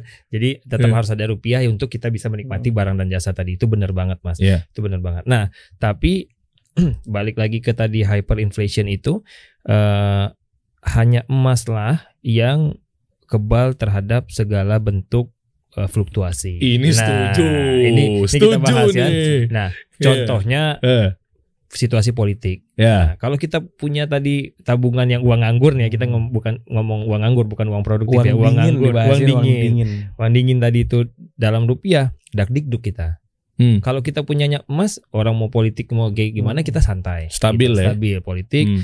eh, keuangan gitu kan. Bencana alam, bencana alam itu bisa bisa memutus eh, ini perekonomian gitu kan. Nah, eh, Oh bisa depresiasi juga ya? bisa Oh. kalau misalnya bencana alamnya misalnya masif gitu kan yang benar-benar Oh. eh, membuat perekonomian suatu daerah itu eh, berdampak, Mas itu bisa bisa banget gitu. Hmm. Mem- Membuat itu inflasi gitu kan. Hmm. Nah, eh, ap- apalagi pandemi Hmm. ya Hmm. eh, ke pandemi gitu ya, ya ada su- permasalahan supply dan demand lah intinya gitu Eh, marketnya apa namanya crowdnya hilang gitu ekonomi tidak berputar segala macam nah yang paling stabil itu ya emas gitu loh jadi Iya, uang yang setuju. tadi dingin tadi itu ya kalau kalau saya merekomendasinya balik ke aset fisik tapi aset fisik yang ternyata paling liquid itu ya emas kita balikan lagi ke Iya. emas Ya, cuma yang jadi concern adalah ketika kita memang udah tahu bahwa nilai emas stabil dan lain-lainnya, eh, yang jadi bahaya adalah salah satu tidak adanya servis ketika kita mau jual emas itu sendiri. nah Misalnya contoh darurat, Iya. urgensi malam-malam gitu kan. Mm-mm. Kita mau ke toko emas, mau ke pasar, iya. Atau mau ketok pintu Antam, kan nggak mungkin juga ya. Betul. Nah, nah itu salah satunya solusinya gimana Mas Adi? itu problem yang ada di masyarakat. Kenapa masyarakat itu enggan menabung dengan emas? Karena Hmm. dia ber- ber- beranggapan nanti saya buybacknya susah ini. Jadi saya harus ke toko emas dulu, harus keluar rumah gitu kan. Gimana kalau emergency? Nah di sini tuh eh, apa? Kita itu Hive Gold Puzzle itu memberikan eh, konsep yang tadi gold delivery. Kalau orang mau buyback juga kita jemput lagi emasnya ke rumah mas. Jadi Wush. banyak customer bilang wah ini kalau kayak gini nih emas ini jadi lebih liquid ya mas ya Hmm. gitu dan itu saya juga baru dapat insightnya itu dari customer justru gitu Hmm. nah ada beberapa case itu yang benar-benar eh, teman-teman itu buyback emasnya waktu saat emergency. Misalnya Hmm. ada waktu itu customer kita di rumah sakit malam-malam dia mau buyback dia mau mau operasi malam itu juga kita buyback emasnya kita jemput ke rumah sakit. Uh. ada ada uh, so- teman kita juga anaknya butuh intensive care di rumah sakit dia buyback emasnya di rumah sakit. Itu saya saya sendiri itu siang-siang saya sendiri yang jemput emasnya. Jadi mereka tuh merasa sekarang dengan solusinya Hive Gold Puzzle itu nyaman mereka tuh megang emas tuh nyaman banget gitu. Udah udah ada nih udah ada akan dijemput kok gitu emasnya jadi mereka itu eh apa ya namanya udah masalah yang tadinya ada udah nggak ada lagi tuh udah bisa terso- ters- Hmm. terselesaikan gitu mas Oke, emang nggak ada di luar sana yang memiliki servis si COD-an jempat jemput ini? nggak ada yang mau ribet. Oke. Jadi sebenarnya kan dia, misalnya dia punya toko emas ngapain Berarti- saya jemput-jemput gitu kan? Loh, berarti weakness-nya gampang dong di di di di apa ya? Eh, sorry, bukan weakness-nya gampang, tapi maksudnya berarti itu sebuah weakness dong. Justru malah.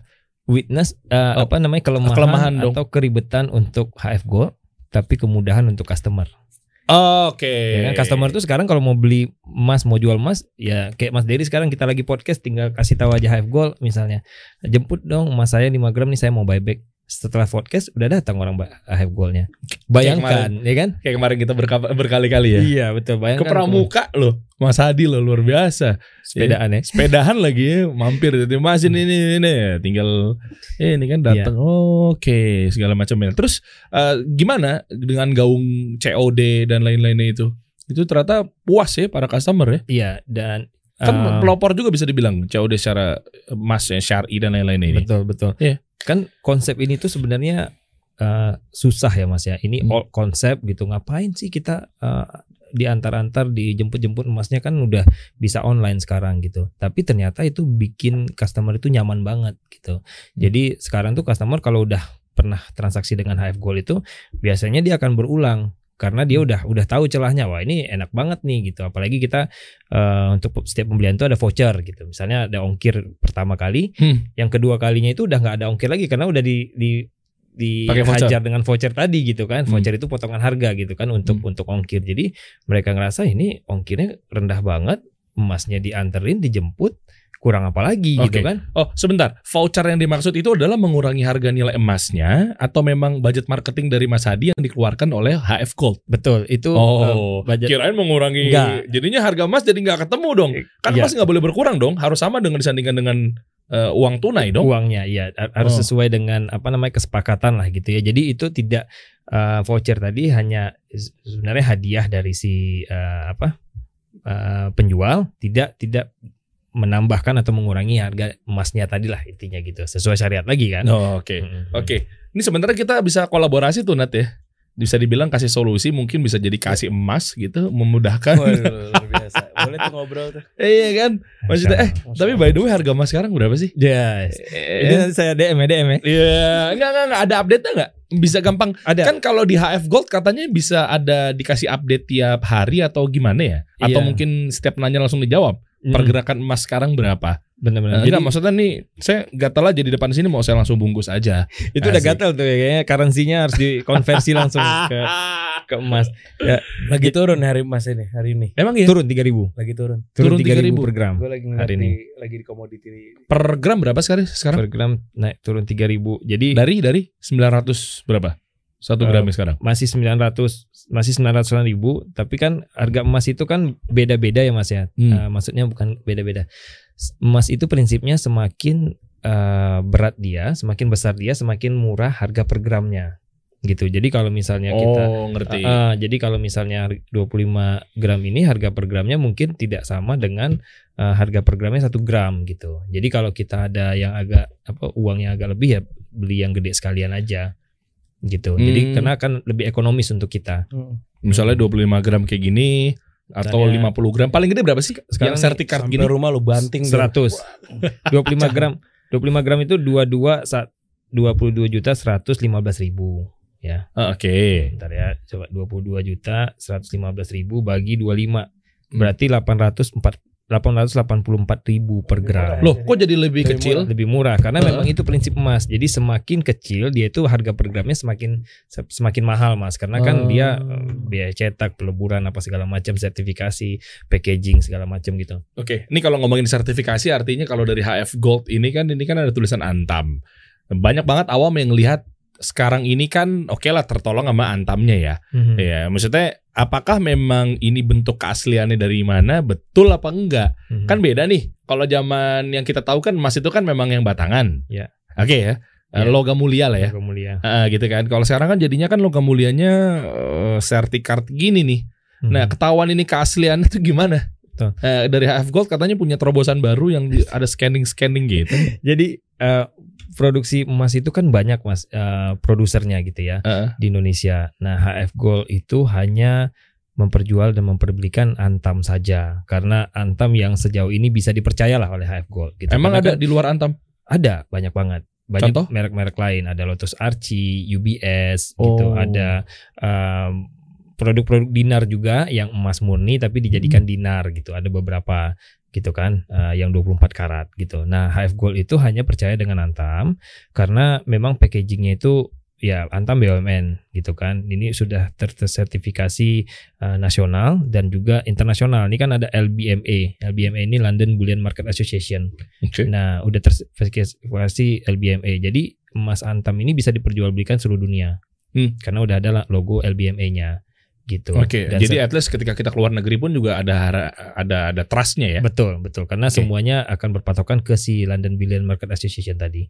Nah, terus ini sertifikatnya ada di barcode. Jadi barcode ini yang akan kita hanya scan dengan aplikasi CertiEye gitu. Nah, itu udah udah ini. Dan sejauh ini tidak ada kasus pemalsuan karena memang ini susah mas dipalsuinnya susah gitu ini kan udah ada pressnya udah ada kemasannya kalau mau kita palsukan harus dibuat dari awal gitu kan Coba gimana bentuk tadi aplikasi Certi Oh, cara Certi kerjanya? Baik. pengen tahu nih ini terdaftar di Antam nggak nih? Iya iya iya iya. kita coba Jangan-jangan nih- bukan kita yang nggak percaya ada tulisan Antam logonya Iya. terus berarti nggak percaya gitu harus Betul. dibuktikan dong Eh, dari Coba teknologi CRTI tadi sehingga nih ini oh barcode yang ini ya barcode yang di belakang mas. coba ayo ini Coba. ada kode di depan saya nih ini pakai contoh yang mana nih 25 Ya, ini boleh.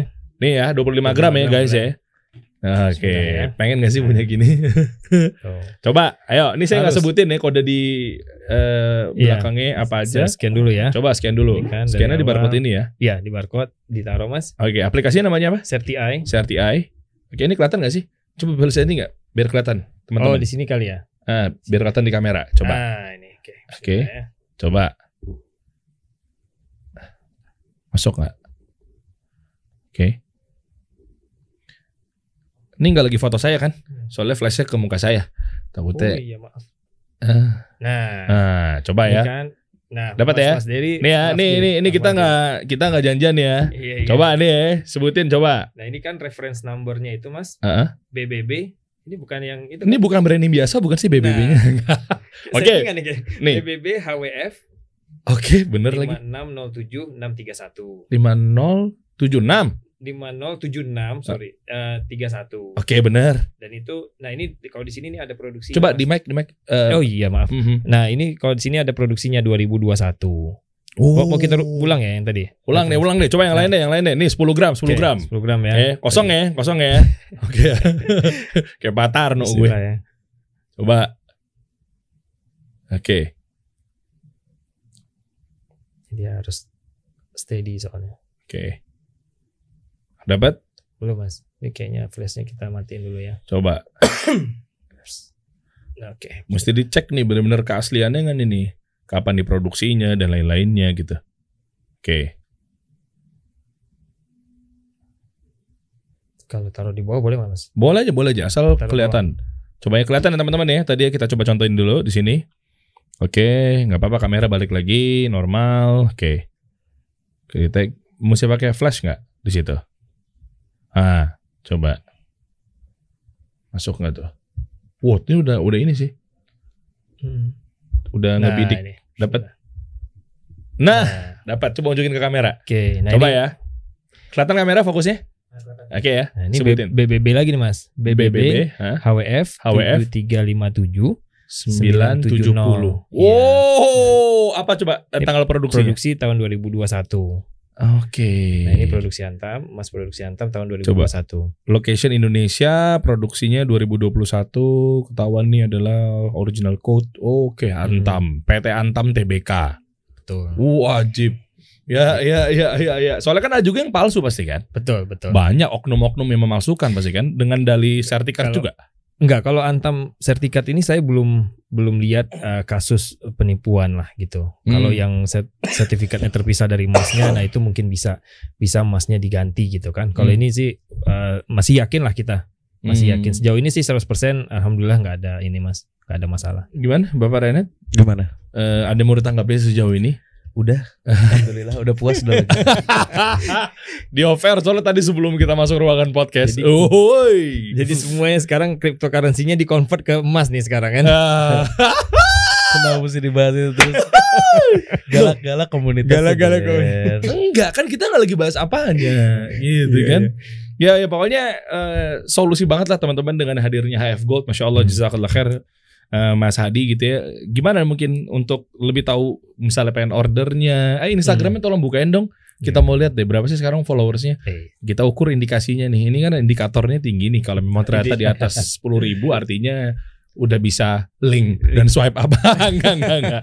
Eh, coba kita cek deh HF Gold Puzzle. Nah ini perkembangan HF Gold Puzzle ini salah satu kontributornya Mas Diriansyah. Masya Allah, enggak lah, Alhamdulillah. bareng-bareng lah, bareng-bareng lah ya.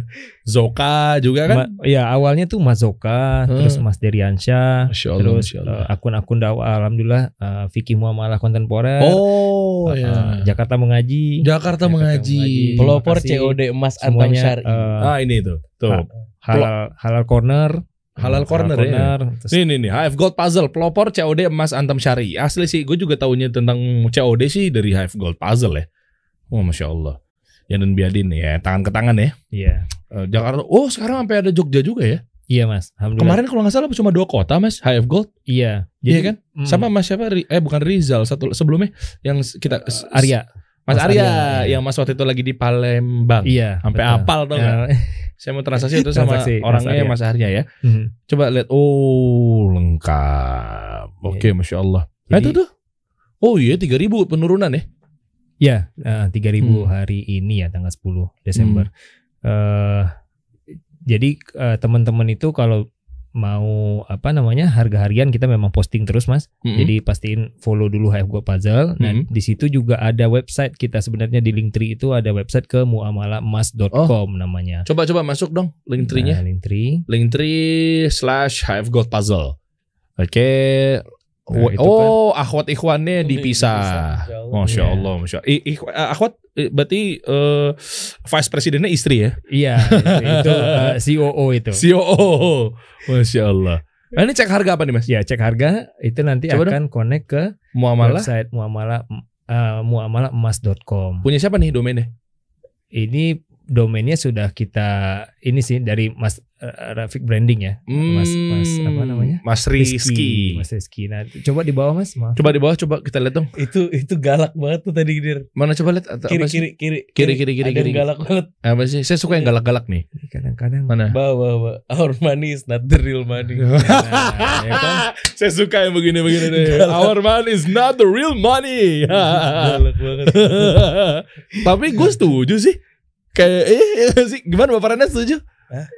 Gue udah bilang Oke. itu jadi produk dan jasa bukan dari bentuk alat Iya, tukar iya, iya, iya, iya. betul betul. Oke, oke. Cara menabung yang salah dikasih tahu ada. Oh, ada edukatif juga ya, berarti ya. Iya, ini memang website ini, Oh, ini? kita fokuskan ke harga aja sih uh, sampai saat ini. Ini harga ukuran berapa nih? Harga Bo- di kekiriin dah? Mas. Nah, Oh, itu. 100 gram 87 juta ya? Betul.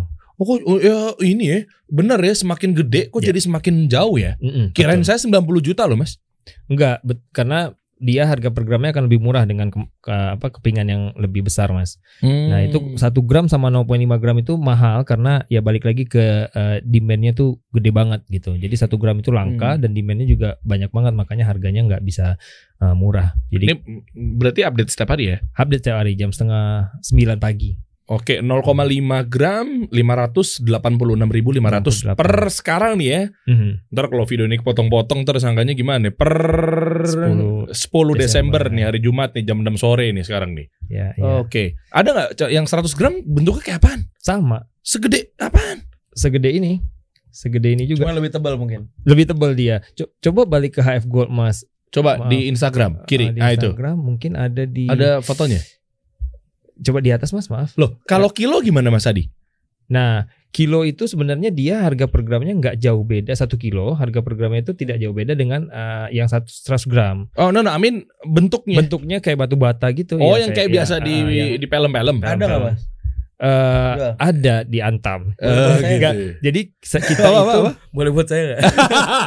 Anda bukan begitu polanya. Boleh saya beli nggak? Boleh buat saya nggak? Rampok Anda ya. Iya. Jadi kalau kita itu menyarankannya lebih baik pecahan 10 100 gram. Jadi 10 kali 100 gram aja kita kita ini. Kenapa? Kenapa? Riskan. Karena satu kilo itu pertama transaksinya menjadi complicated.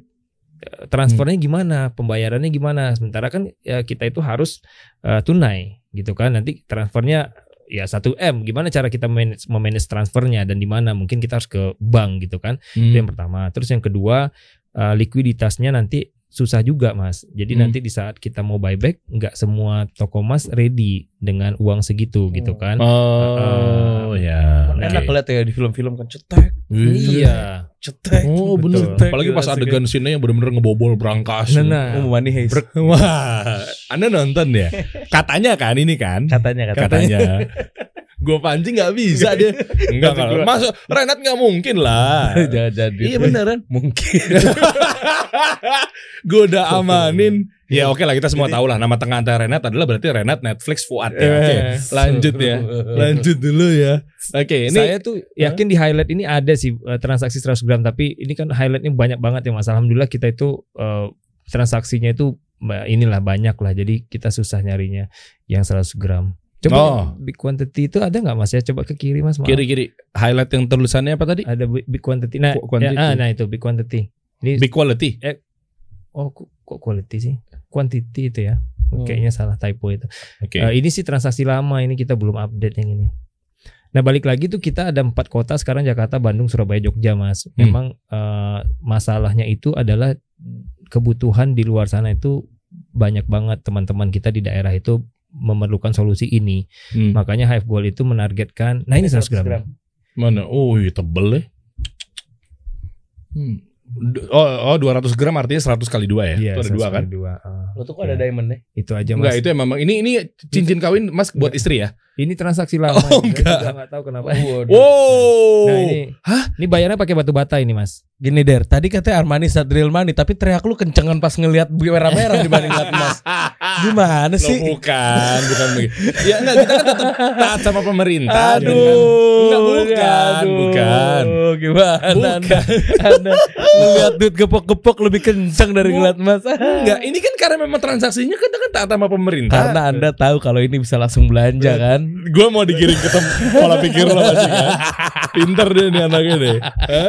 Berarti sukses pemerintah ini membuat 100 ribu ini menarik gitu kan. Eh. Dengan Jadi kan pada merahnya. intinya berarti balik lagi ke gue kan, bener kan? Lo enggak dong, Nat. apa pun enggak bentuknya, lah. enggak apa pun bentuknya eh. itu hanya alat tukar. I- iya, iya itu benar.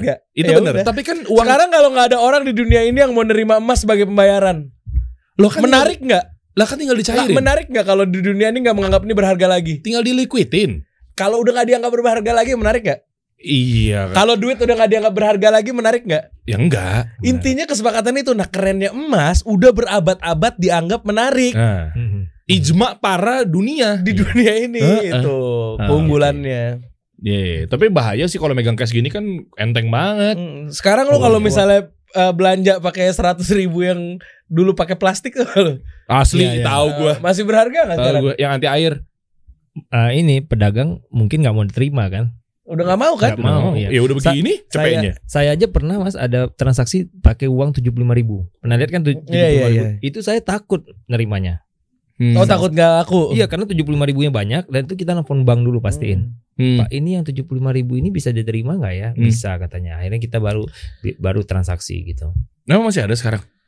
Ya itu kan sempat beredar dan ada ada tapi mungkin jumlahnya nggak banyak Mas Dery. Tapi saya pernah ngalamin yang tujuh puluh ribu itu. Mm-mm. Oke lah, ya mudah-mudahan bisa menjadi sangat solusi ya buat para ikhwan akhwat kita ya. Mhm. Ya karena memang di sini insya Allah udah ya syari dan Iya. lain-lainnya Iya. gitu kan. Iya. Iya. Dan, dan kita itu kan ada puzzling system. Jadi sebenarnya kunci menabung emas ini ada tiga. Ini penting. Hmm. Pertama adalah eh, beli emasnya saat ada uang dingin tadi. Jangan ditunda. Oke. Jangan nunggu. Wah ini lagi mahal, ini lagi murah. Jangan. Kalau Hmm. kita lagi ada uang dingin lagi murah, ya itu bonus tuh kita. Itu pertama. Hmm. Jangan menunda membeli emas. Kalau enggak, uangnya hilang duluan. Pertama, Hmm. karena Hmm. kita belanja. Atau yang kedua, emasnya udah naik, nggak kebeli. Hmm. Itu. Nah, yang kedua adalah eh, hanya diuangkan di saat perlu saja. Oke. Ya, jangan jangan melihat wah harga emas lagi tinggi sekarang, saya jual sekarang. Ujung-ujungnya boros lagi Hmm. gitu. Jadi simpan aja selama mungkin sampai kita butuh. Hmm. Ya, harus harus jelas kebutuhannya mau apa. Ini untuk eh, tabungan anak, ini untuk haji, ini untuk beli rumah, ini untuk di tanah, ini untuk dana pensiun misalnya gitu. Hmm. Dipisahin. Nah, yang ketiga konsistensi Oke. konsistensi harus konsisten setiap bulan menabung emas menabung dengan emas gitu ya Minimal satu gram lah Iya, sebulan. satu gram, dua gram, tiga gram, Hmm. lima gram tergantung ke- eh, kemampuan kita. Nah, HF Gold itu membuat puzzling system juga mas. Jadi misalnya Mas Dery itu eh, punya beli satu gram, eh tiga gram, terus habis itu beli satu gram, terus satu gram, gitu kan? Ini misalnya punya saya nih. Iya, kan Ini lima punya gram saya kan? nih totalnya adalah 3 tambah 1 tambah 1 5 gram. 5 gram. Terus ada duit nih, eh, apa namanya? eh orderan banyak gitu. Alhamdulillah Oh, gitu Masya kan. Allah. Nabung 5 gram. Nabung Misalnya 5 gram, oke. punya 10 gram kan? Mas Ah. Dery bilang, aduh susah nih nyimpannya nih. ini berarti total saya punya misalnya 5 gram. Eh 10 gram. 10 gram. 5 tambah 3 tambah 1 tambah 1. Betul. 5 tambah 5 10. 10. Oke. Nah, kan konsisten nih Mas Dery udah konsisten kan? Hmm. Saya mau yang ini dong yang agak gedean megangnya atau Hmm. satu keping aja biar gampang nyimpennya. Nah, itu bisa kita langsung tuker dengan Oh. satu keping 10 gram. Langsung begini nih. Langsung. Tep. Iya. Padahal betul. di antara mereka ada selisih harga. Selisih harga Tapi kalau di apa di have gold bisa langsung tuker seperti ini. langsung tukar. Tanpa ada tambah tu- tambah tukar tambah. Betul, tidak boleh ada penambahan. Jadi Berarti benar-benar antara emas ini sama emas ini bisa langsung ditukar. bisa langsung ditukar. Cakep ya. Jadi Masya syariatnya adalah syarat pertukaran emas dengan emas mislan bimislin eh, kuantitinya harus sama. Jadi nggak boleh Hmm. tuh 11 gram ditukar dengan 10 gram Mas Dery. Oh, Nggak beda. boleh. Nilainya beda. Iya, itu riba. Hmm. Jadi eh, apa namanya mislan bimislin dan ya dan biadin harus tangan ke tangan oke langsung begitu. langsung. Jadi Tapi berarti secara harga kalau dari di buybacknya ini lebih Sama. rendah dong. sama. Kalau buyback itu misalnya 8 860 dikali jumlah gramnya. Nggak ngaruh kalau buyback ya. Nggak Nggak ngaruh. nggak seperti pas beli. Yes. Oke, Ma- paham. Tapi kan lebih gede. Nggak ngaruh. Nggak ngaruh. Kalau dia buyback jadi dibeli harganya statis gitu per nggak- gram. per gram. Kalau Oh. pas beli beda nih antara lu beli yang 0,5 Yes. sama beli 1 sama beli 5 beli 10 tuh beda. Oke. Tapi kalau buyback pokoknya berapa kuantitinya harga belinya segini gitu. Buybacknya sekian. Mhm. Gimana apalagi dijemput lagi mau buyback. Jadi nih. enaknya kayak gitu Betul. tuh lo beli tuker biar simple lo beli pakai ini kalau lo mau jual ya lo tinggal jual doang. Iya. Hmm. Nanti jual juga bisa di puzzle lagi misalnya. ini buat saya kan Mas ya? enggak Iya, enggak. itu ada enggak. 25 gram satunya. Anda saya hitung tiga kali nice try terus ya Anda ya. Karena ini dianggap berharga sama semua orang jadi gue mau. Iya, tadi lo bilang ini nggak bisa diproduktifkan dan nggak bisa jasa dan lain-lain. Tapi kalau saya tuker sama, ke- sama rupiah, saya bisa produktif pak. Den- Dengan satu keping ini pak, insya Allah. Antara produktif atau boros ya kan? Enggak. Kalau saya nggak jadi nggak jadi boros nih, jadi Oh, produktif oke, nih. produktif. jadi apaan produktif? Kalau lu punya skill, kalau yang nggak punya skill, kasih solusi. Gue kan belajar makanya. skillnya sama lo. iya, kasih solusi buat bayar jasa di Iya. aplikasi tersebut ya. Nah, nanti kalau buyback misalnya Mas Dery punya satu keping 10 gram, saya butuhnya 5 5 juta Mas Adi. Iya, oke. Bisa kita bisa Ah, kita Benar, contoh, lagi. contoh contoh misalnya 10 juta. Saya cuma mau jual 5 juta eh afwan. Saya punya 10 gram. Mm-mm. Berarti saya cuma mau 5 gramnya aja dijual. Mm-mm, mm-mm. Karena nggak butuh butuh 10 gramnya atau nilai uang 10 gram itu. Mm-mm. Gimana caranya? Dipecah dulu dong. Pecah Tuker lagi sama Mas Tuker Adi, lagi. keren kan? Ah, Oh, ini balik lagi set dan biadin. Dapat 5 Nah. tambah 3 tambah 1 tambah 1. Iya, Lepas Iya, deh iya. berapa biji yang lo mau lepas tuh, berapa gram yang mau misalnya 5 lepas. gramnya doang deh. Mm-mm. Set Iya. ini saya simpan. Ya atau yang ini masih Oh, atau di gini. Oh, ya- Nah. oh, yang kecilnya yang recehannya inilah cek Iya. gitu. Oh, ini gak receh sih. lumayan. Jadi Enggak maksudnya kepingan. betul. Iya iya iya iya. Jadi benar-benar tuh sesuai syariat semua. Hmm. Gitu. Pertukaran emas dengan emas sesuai syariat, pertukaran emas dengan rupiah juga sesuai syariat.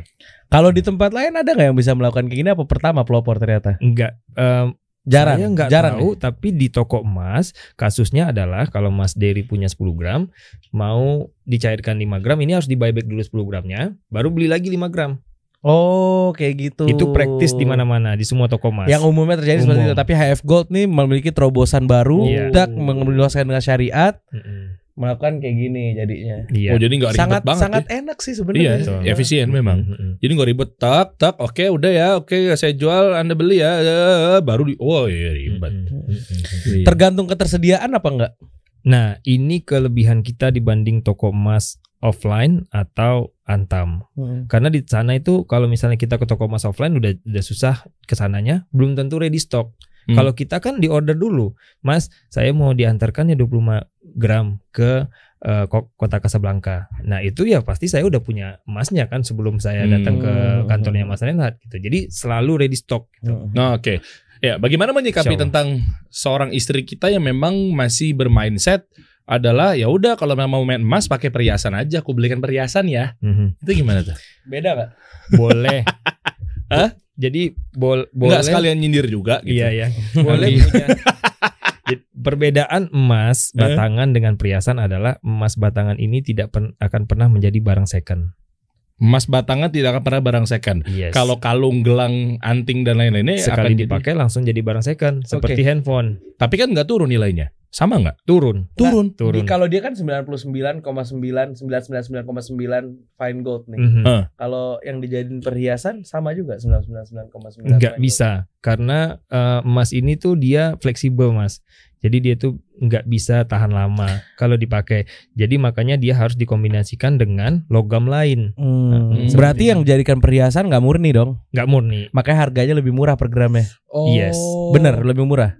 Oh, oh ya ada juga yang Apa istilah apa tergantung tergantung komposisi harusnya lebih murah karena dia di- nggak murni kan? di- uh, di- Iya, ini Nat, kan emas kan ada yang ada emas 50 apa 75. Apa tergantung craftingnya atau tergantung craftingnya juga? Iya, tergantung tingkat kesulitan di kan makanya Heeh. penilaian perhiasan itu berdasarkan toko emas. Toko Beda, emas ya. A menilainya beda, toko emas B beda, Mas. ada kesepakatan yang batangan ya. Iya, ini kan Mhm. udah jelas patokannya Ya. gitu kan. Oke. Jadi balik lagi ke perhiasan tadi. Misalnya Mas Dery beli perhiasan di toko emas A. Gitu kan kalung misalnya eh, 25 juta. Nah, tiga hari kemudian mau mau di jangan tiga hari lah, mungkin bu- Bulan depan. bulan depan atau Hmm. dua tahun lagi mau di mau di buyback. Iya. Itu akan barang second. Penilaiannya adalah penilaian Jauh, barang second, jatuh. bukan barang baru. Kalau ini kan nggak Hmm. pernah jadi barang second. Saya kasih ke Mas Dery, Mas Dery kasih ke Tergantung Ya, dari ya. pasar harga berapa saat itu kan. Betul. Ini ya Hmm. barang baru. Ini nggak tahu saya ini udah ber- udah berapa kali pindah tangan. Iya, iya, Iya kan? Lah kalau si ininya dicopot tetap nggak second, udah kesentuh-sentuh juga kena keringat dan lain-lainnya. Oh, busi disemprot. Bukan, ini nggak lagi bahas lagi nggak bahas virus. lagi bahas virus. Salah, salah, salah. Salah, salah, salah. Bukan, enggak maksudnya kan artinya second dalam arti apa nih? Se- eh, second point of view siapa? Kalau memang ternyata eh, atau point of view siapa dan apa? Mhm. Second yang dimaksud misalnya ternyata mindsetnya kalau gara-gara kena keringet, dipakai, Mhm. eh, pudar, atau memang hanya kepegang aja udah second. Ini kan karena berbungkus nih, Perhiasan ya maksudnya. Ah, perhiasan. Secondnya second apa nih Second maksudnya? dengan anggapan kan pasti perhiasan itu pernah dipakai kan. Lah Maksudnya ini dia- kalau dicopot si kartnya ini Mhm. kita pegang kita nggak pengen deh ada begini-begini Mhm. susah gitu. Itu jadi second nggak? Kepegang keringet, pegang-pegang apa? eh, harusnya tidak second eh, karena ya sama aja dengan ke- eh, dengan emas yang sebelumnya sebelum sertifikat. Itu kan nggak pernah jadi nggak akan pernah jadi barang second juga karena ini nggak akan di- dipakai nggak mungkin eh, emas Oh. 25 gram batangan Mas Dery Mas Dery pakai misalnya istri sorry eh, kan Kita nggak tahu. kan nggak boleh kan Heeh. dipakai kayak gitu kan nggak nggak menarik Oh. Intinya gini sih Der sebenarnya kalau yang udah jadi perhiasan itu kan ada ada sisi subjektifnya juga dari bentuknya. Hmm. Terkadang kalau Ya. lu mau nerima lagi, ah Suka nih apa customer gue nanti nggak ada yang suka nih model kayak gini Modelnya, nih gitu, yes. sehingga harganya murah deh, gue nggak berani ngambil. Yes. Tapi kalau ini kan disepakati Iya, iya. udah. Iya Harga bener tergantung. Dan gue pikir apakah memang emasnya gara-gara perhiasan kan ada yang 50%, 75%, artinya nggak 99%. Hmm. Gue pikir gara-gara itunya. enggak karena dia kalau menurut saya pribadi karena dia akan dinilai barang second karena perhiasan itu kan untuk dipakai Hmm. ngapain kita punya perhiasan kalau kita cuma simpan aja mas Hmm, tuh Kalau kamu kita- ya, kamu dengar yang kalau kita nonton. simpan aja mendingan simpan yang ini jadi gini peri- uh, rekomendasi saya adalah boleh punya perhiasan secukupnya yang kita pakai yang lain jangan perhiasan lagi emas batangan Nah, aja Di mana kalau mau nyari mas batangan dan ketemuan secara COD-nya? Nah, HF Gold HF Puzzle. Masya Allah. Oke lah kalau gitu. Sip. Yuk kita bagi-bagi yuk. ya Yuk yuk. Oke. Gue satu aja. Iya. Dia udah ngincer yang paling gede. ya udah lu saat sana terus Ya udah lu ini kan gue ini. Sama nggak? Atau gini mas, Eh. ini semua Heeh. Oke, ini ini biasanya idenya bagus nih biasanya. ya, ya. Enggak, enggak kita, apaan. kita jadiin produk dan jasa yang produktif. Balik Nah, lagi. Balik lagi. berapa ekor kambing Lalu kita lalu kita bagi hasilnya gimana? Terus gue sambut lagi, gue callback lagi. Ya kalau ada yang nggak bisa memproduktifkan ini gimana? Gitu lagi. Kita kasih solusi.